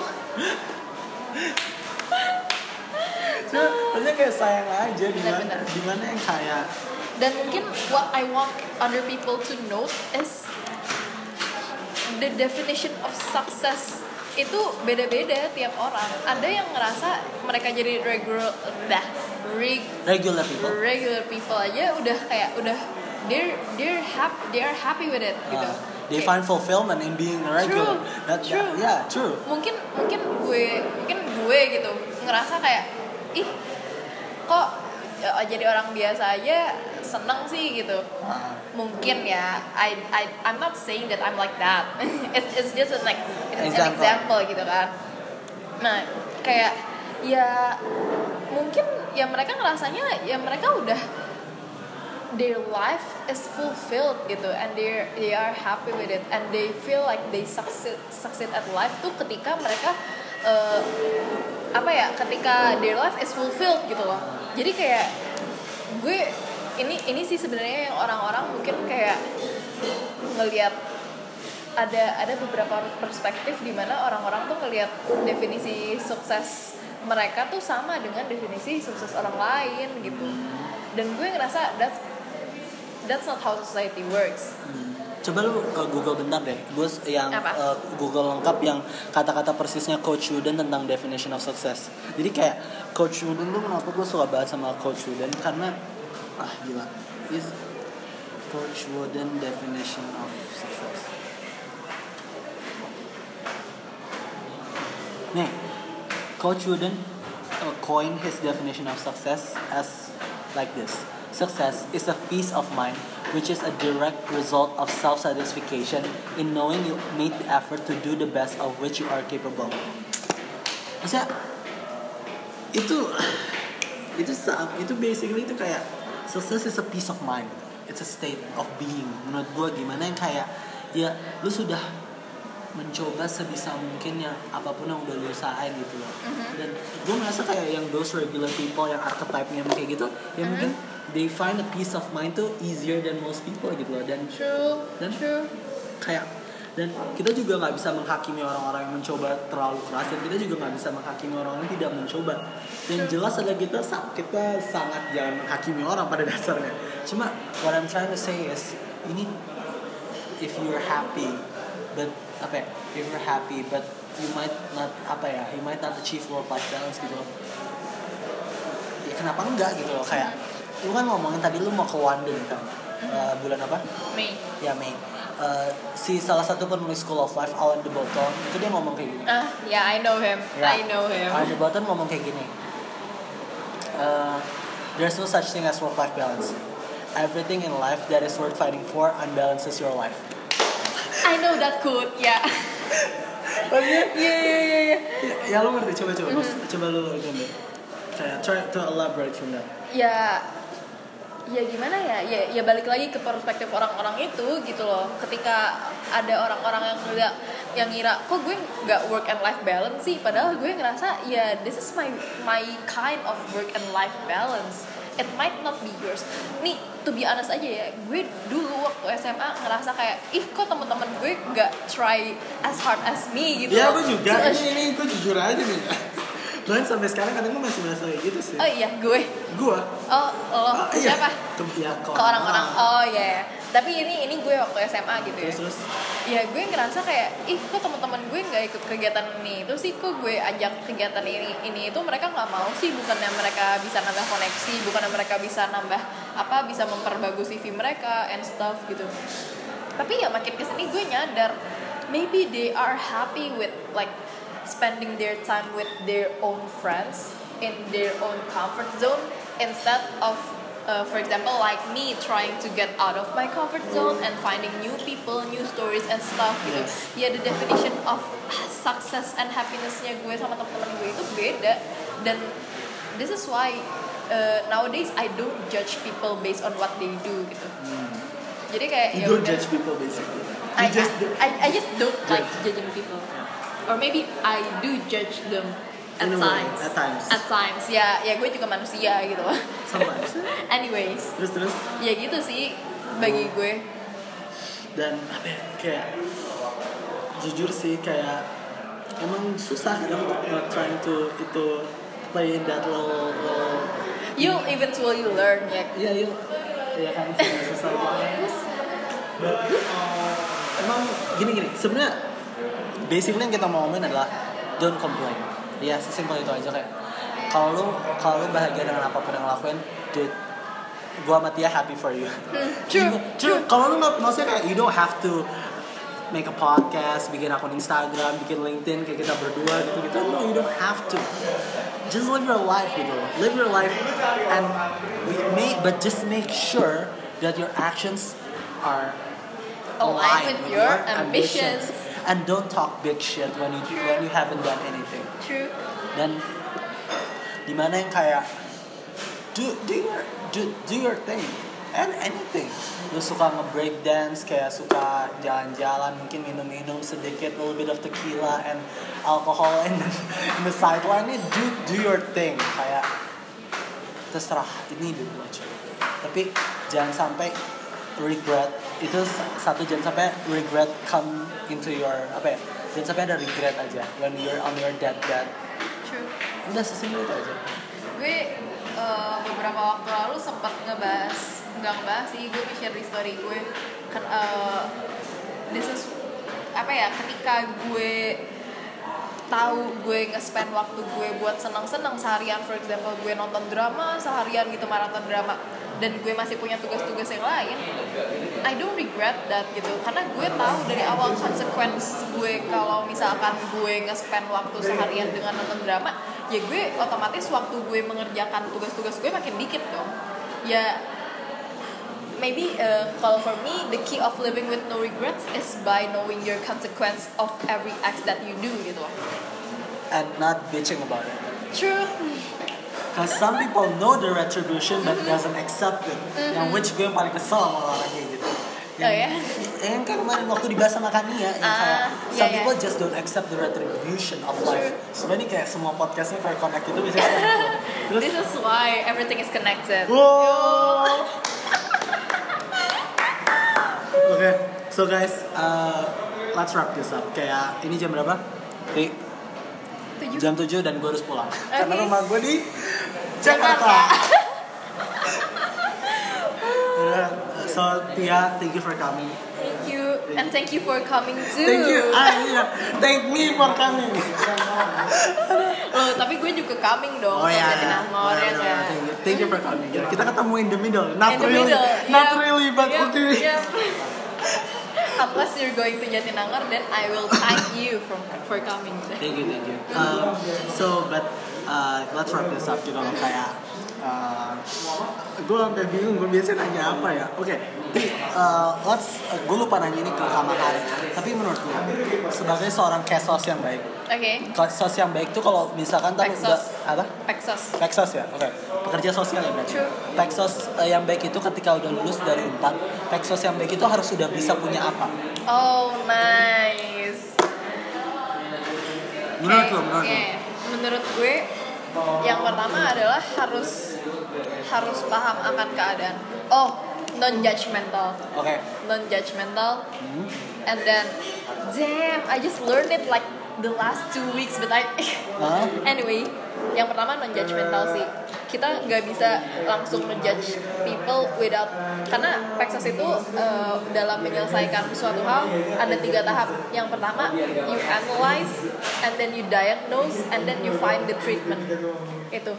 Kayak psikolog. Ya, cuma bedanya lo lebih ke individu kan, gue lebih ke society. Nice. Anyways, yang pertama non judgmental. The second one is um let me think about it. But Sure. seorang peksos yang baik itu harus bisa confidentiality, menjaga kerahasiaan uh, what is it kliennya Hmm. gitu. Terus um, yang ketiga, damn I really forget. Oh, be a good communicator. Nice. Karena eh, nggak semua masalah itu bisa diselesaikan dengan satu cara Nice. dan yang membedakannya itu adalah cara kita mengomunikasikannya kepada klien gitu mungkin ada klien yang tipe eh, tipenya pendiam gitu gak mungkin kita suruh eh, cara treatmentnya adalah dengan Digas. nah itu dia kan kayak mungkin mereka bisa kaget gitu kan so ya itu sih. Yang pertama non judgmental. Yang kedua have, eh, harus menjaga kerahasiaan klien. Dan yang ketiga harus eh, apa tadi gue lupa A lagi good communicator. be a good communicator. Itu sih. Oke, eh, kalau lu misalkan have this kind of conversation with orang-orang lainnya gitu loh, how would you, uh, what question would you ask them? To those people that yang who are inspiring loh, who are in the path of mastery juga? What would you ask them? the I think I would ask them about the beauty of failing The beauty of failing. Mhm. because for me I don't know mungkin maybe I fail too much karena gue gue denger uh, BTW pertanyaan selanjutnya mau gue tanya ke lu, what is your biggest failure? Itu titipan dari Kamahari. oh Terus, iya hmm, ke gue atau ke ke orang selanjutnya. Ah, jadi ini kayak, nice. jadi ya ini kayak. uh, Oh, I see. So you're going to ask this question to To the next nice, person, ya. Nice. Okay. So what is the Uh, my the question is what is your biggest failure? biggest failure anu karena gue ngerasa dari setiap failure yang gue dapat itu gue belajar sesuatu Oke. so I don't really see it as a failure Quote unquote. Nah. Mhm. Tapi tapi maybe pas gue gak lolos beasiswa universitas di luar negeri itu sih karena lo bayangin gue waktu kita kelas 12 tuh kelas berapa? eh tahun berapa? uh, 2000 sekitar 18 2018 bukan sekitar emang 2018 Oh, Emang anaknya juga gitu emang yang ingat sebenarnya udah ingat persis cuma suka dibikin jadi ambigu. Lanjut. Oke, oke. Jadi eh, tahun 2018 gue daftar ke tiga universitas. Yang pertama di Kanada, yang kedua di Jepang. Tiga-tiganya nggak dapat beasiswa. Dapat deh satu tapi cuma 20% gitu. Terus ya udah. eh, terus tiba-tiba gue daftar SBM kan. Iseng-iseng aja tuh daftar SBM, tahu soalnya kayak gimana aja Hamin satu SBM. Like legit gue baru minta fotokopi soalnya dari temen gue gitu Nice. Terus terus. eh terus tiba-tiba masuk dong tiba-tiba masuk ke SS Unpad gitu terus ya udah uh, I I said to myself that okay we'll try next year dan tahun ini 2019 gue nyoba lagi dua ke Kanada sama ke Belanda. Terus? Dan dua ga- gagal lagi dong. Dan gue merasa kayak I have waited for a year for this and I failed gitu kan. Kayak di hari itu gue inget banget 2 April 2019 gue nangis selama satu jam lebih I guess. Tapi abis itu ya udah. Gue gue istilahnya gimana ya berdamai dengan diri gue sendiri gitu. Kayak ya again this too shall pass. This too shall mau gue keterima mau enggak ya gue harus ngejalanin hidup gue. Dan ini bukanlah satu-satunya jalan gitu. Gue kemarin abis ngebaca beberapa answer gue di Instagram story. Dan eh, di salah satu answer itu gue eh, ada yang nanya kak gimana eh, apa yang harus kita lakukan kalau kita nggak keterima eh, univ yang kita mau? Gitu. Dan Terus, pas terus? gue pas gue baca jawaban gue gue bilang eh, gue gue di jawaban itu bilang loh eh, ya masuk universitas yang kita mau belum tentu kita bisa berhasil di situ gitu loh. Jadi kayak eh, universitas yang kita ada sekarang nggak menentukan whether we will fail or not gitu. Dan gue ketika ngebaca itu damn I used to write this Wow. gitu kan. Kayak ya berarti harusnya gue mengimplementasikan apa yang gue katakan ke diri gue sendiri gitu. Nice. Terus? Dan akhirnya ya udah gue I find peace with myself gitu. Gue belajar kayak oh ya udah I tried my best for it. Ya gue mungkin uh, I know where I lack off for example I lack off in my interview gitu. I kind of like off like for real. Gue tuh kalau udah bagian interview tuh gue suka tersendat-sendat and stuff gitu lah. Tiba-tiba suka ngeblank karena gue orangnya pelupa. But then I learn from it. Dan gue abis itu ini sekalian gue cerita the fail gimana ya? The day I failed itu ya. 2 April itu setelah gue nangis-nangis terus gue sholat. Nice. Terus terus. bener gue sholat. Gue sholat. Kayak gue mikir kalau gue nangis terus kapan gue sholat nih ini gue berarti nggak bersyukur dong udah dikasih kegagalan dan gue belajar dari kegagalan itu gitu. Gue sholat. Abis gue sholat tiba-tiba gue dapat telepon dari teman gue. Dari teman gue. Teman gue cerita kalau dia pengen keluar dari eh, universitas. Karena udah nggak sanggup. Dia tuh punya sakit fisik dan sakit psikis gitu. loh belum belum ke diagnosis sih seperti apa tapi gejala-gejalanya tuh Udah udah, mulai ada keluar. udah mulai keluar gitu. Dan dia nangis-nangis cerita. Dia pengen tetap ngelanjutin uh, kuliah tapi di satu sisi dia juga sakit tubuh dia nggak bisa gitu loh ngelanjutin. Di situ gue bener-bener bener-bener ketampar gitu loh. Ada orang yang masih berjuang buat bisa kuliah meskipun dia sakit-sakitan meanwhile gue udah dikasih kuliah kayak bayangin dong gue keterima tanpa belajar gitu kan. Gue cuma mengulang materi-materi yang udah pernah gue dapat aja gitu kan. Tapi gue masih pengen lebih gitu kenapa gak gue spend my time wisely while I'm here gitu? Kenapa gue nggak ngebantu orang-orang kayak teman gue ini? Kayak teman gue yang punya bipolar disorder juga gitu kan kayak ya I'm it's just like di momen itu gue mikir I'm ready to help people. Kayak I'm ready to help people to help themselves gitu. Nice. terus ya udah keesokan paginya gue bangun-bangun abis sholat subuh dapat pengumuman yang Kanada.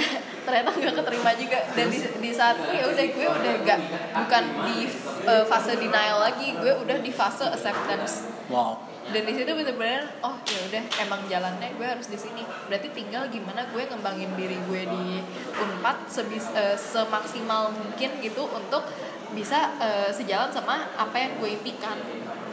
Nice.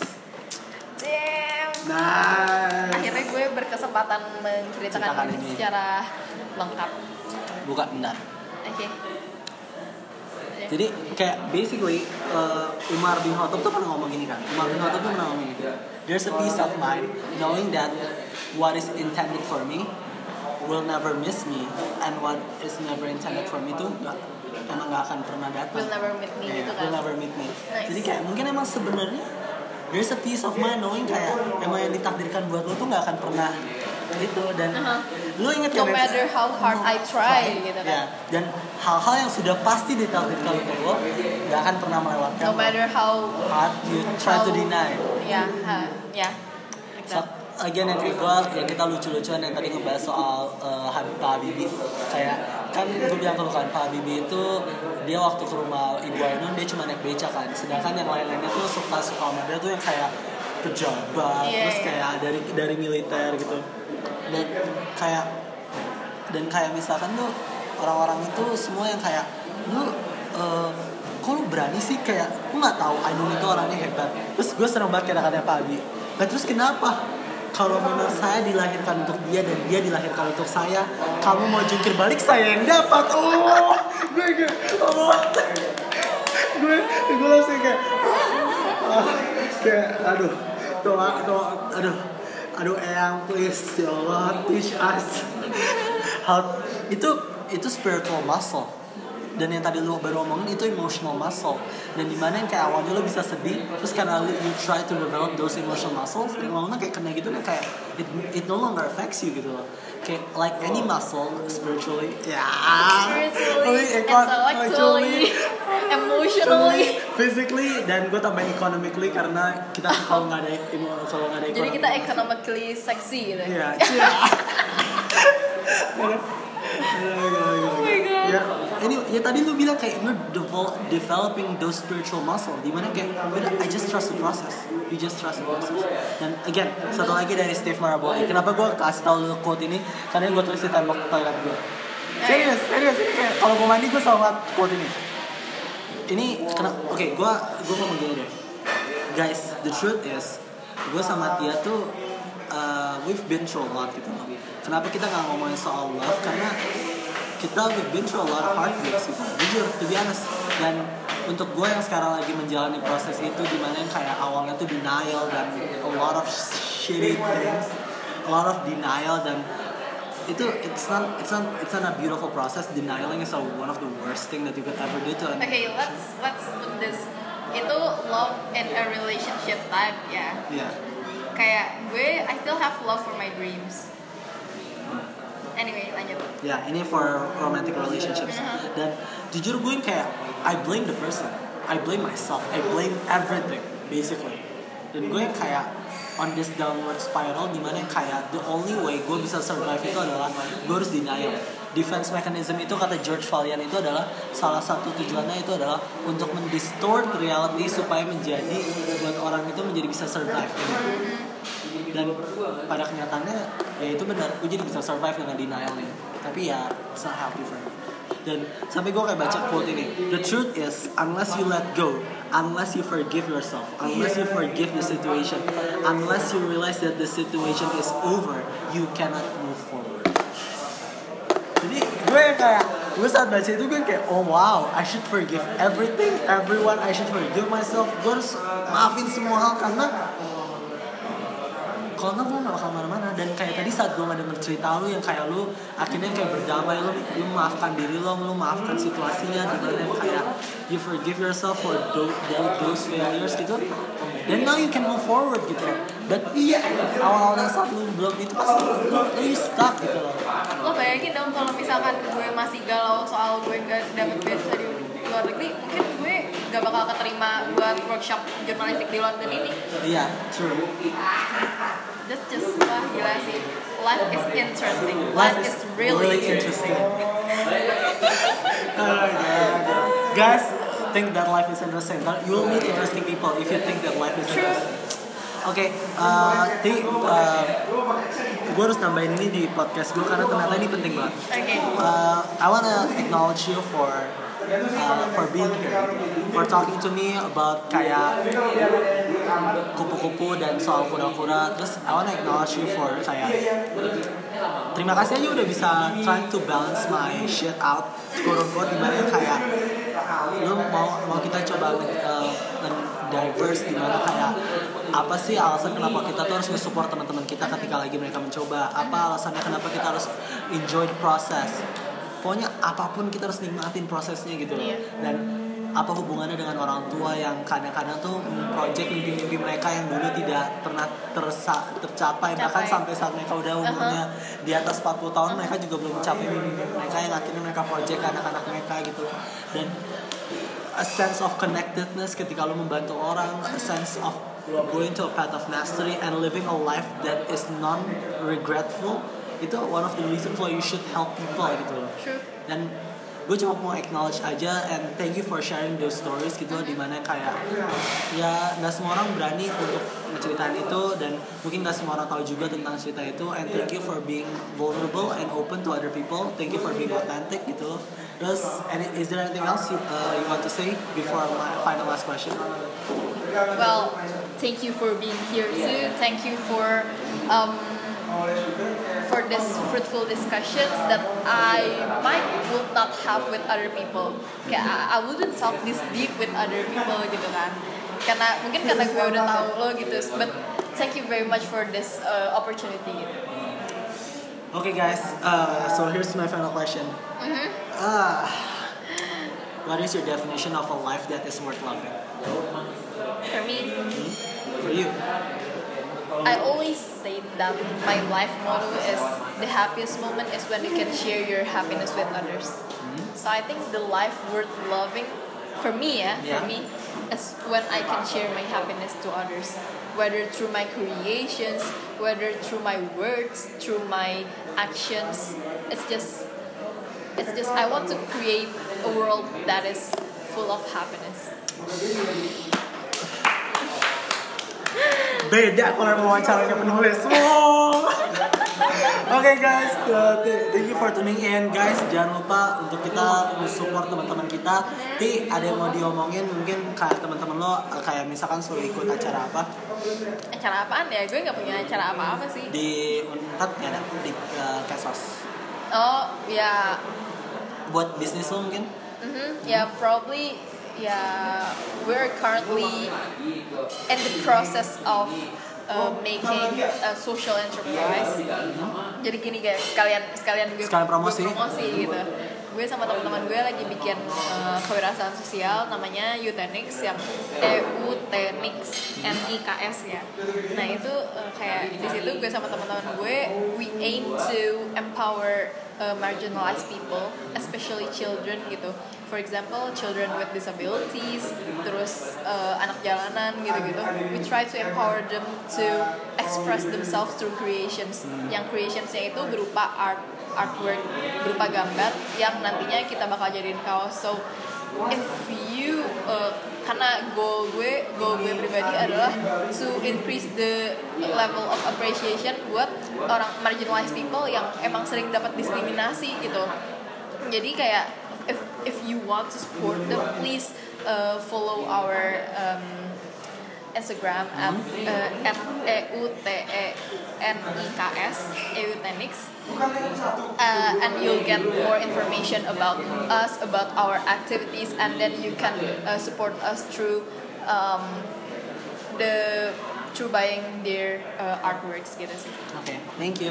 Uh, dan guys, buat uh, anak-anak Siko yang ngedengerin atau siapa pun, jangan lupa uh, di hari if I'm not mistaken karena gue kacau banget kalau soal tanggal tapi pokoknya seingat gue di hari Sabtu itu uh, musikalnya bakal ada uh, perform bakal ada konser. Gua- uh, guys jangan lupa beli tiketnya.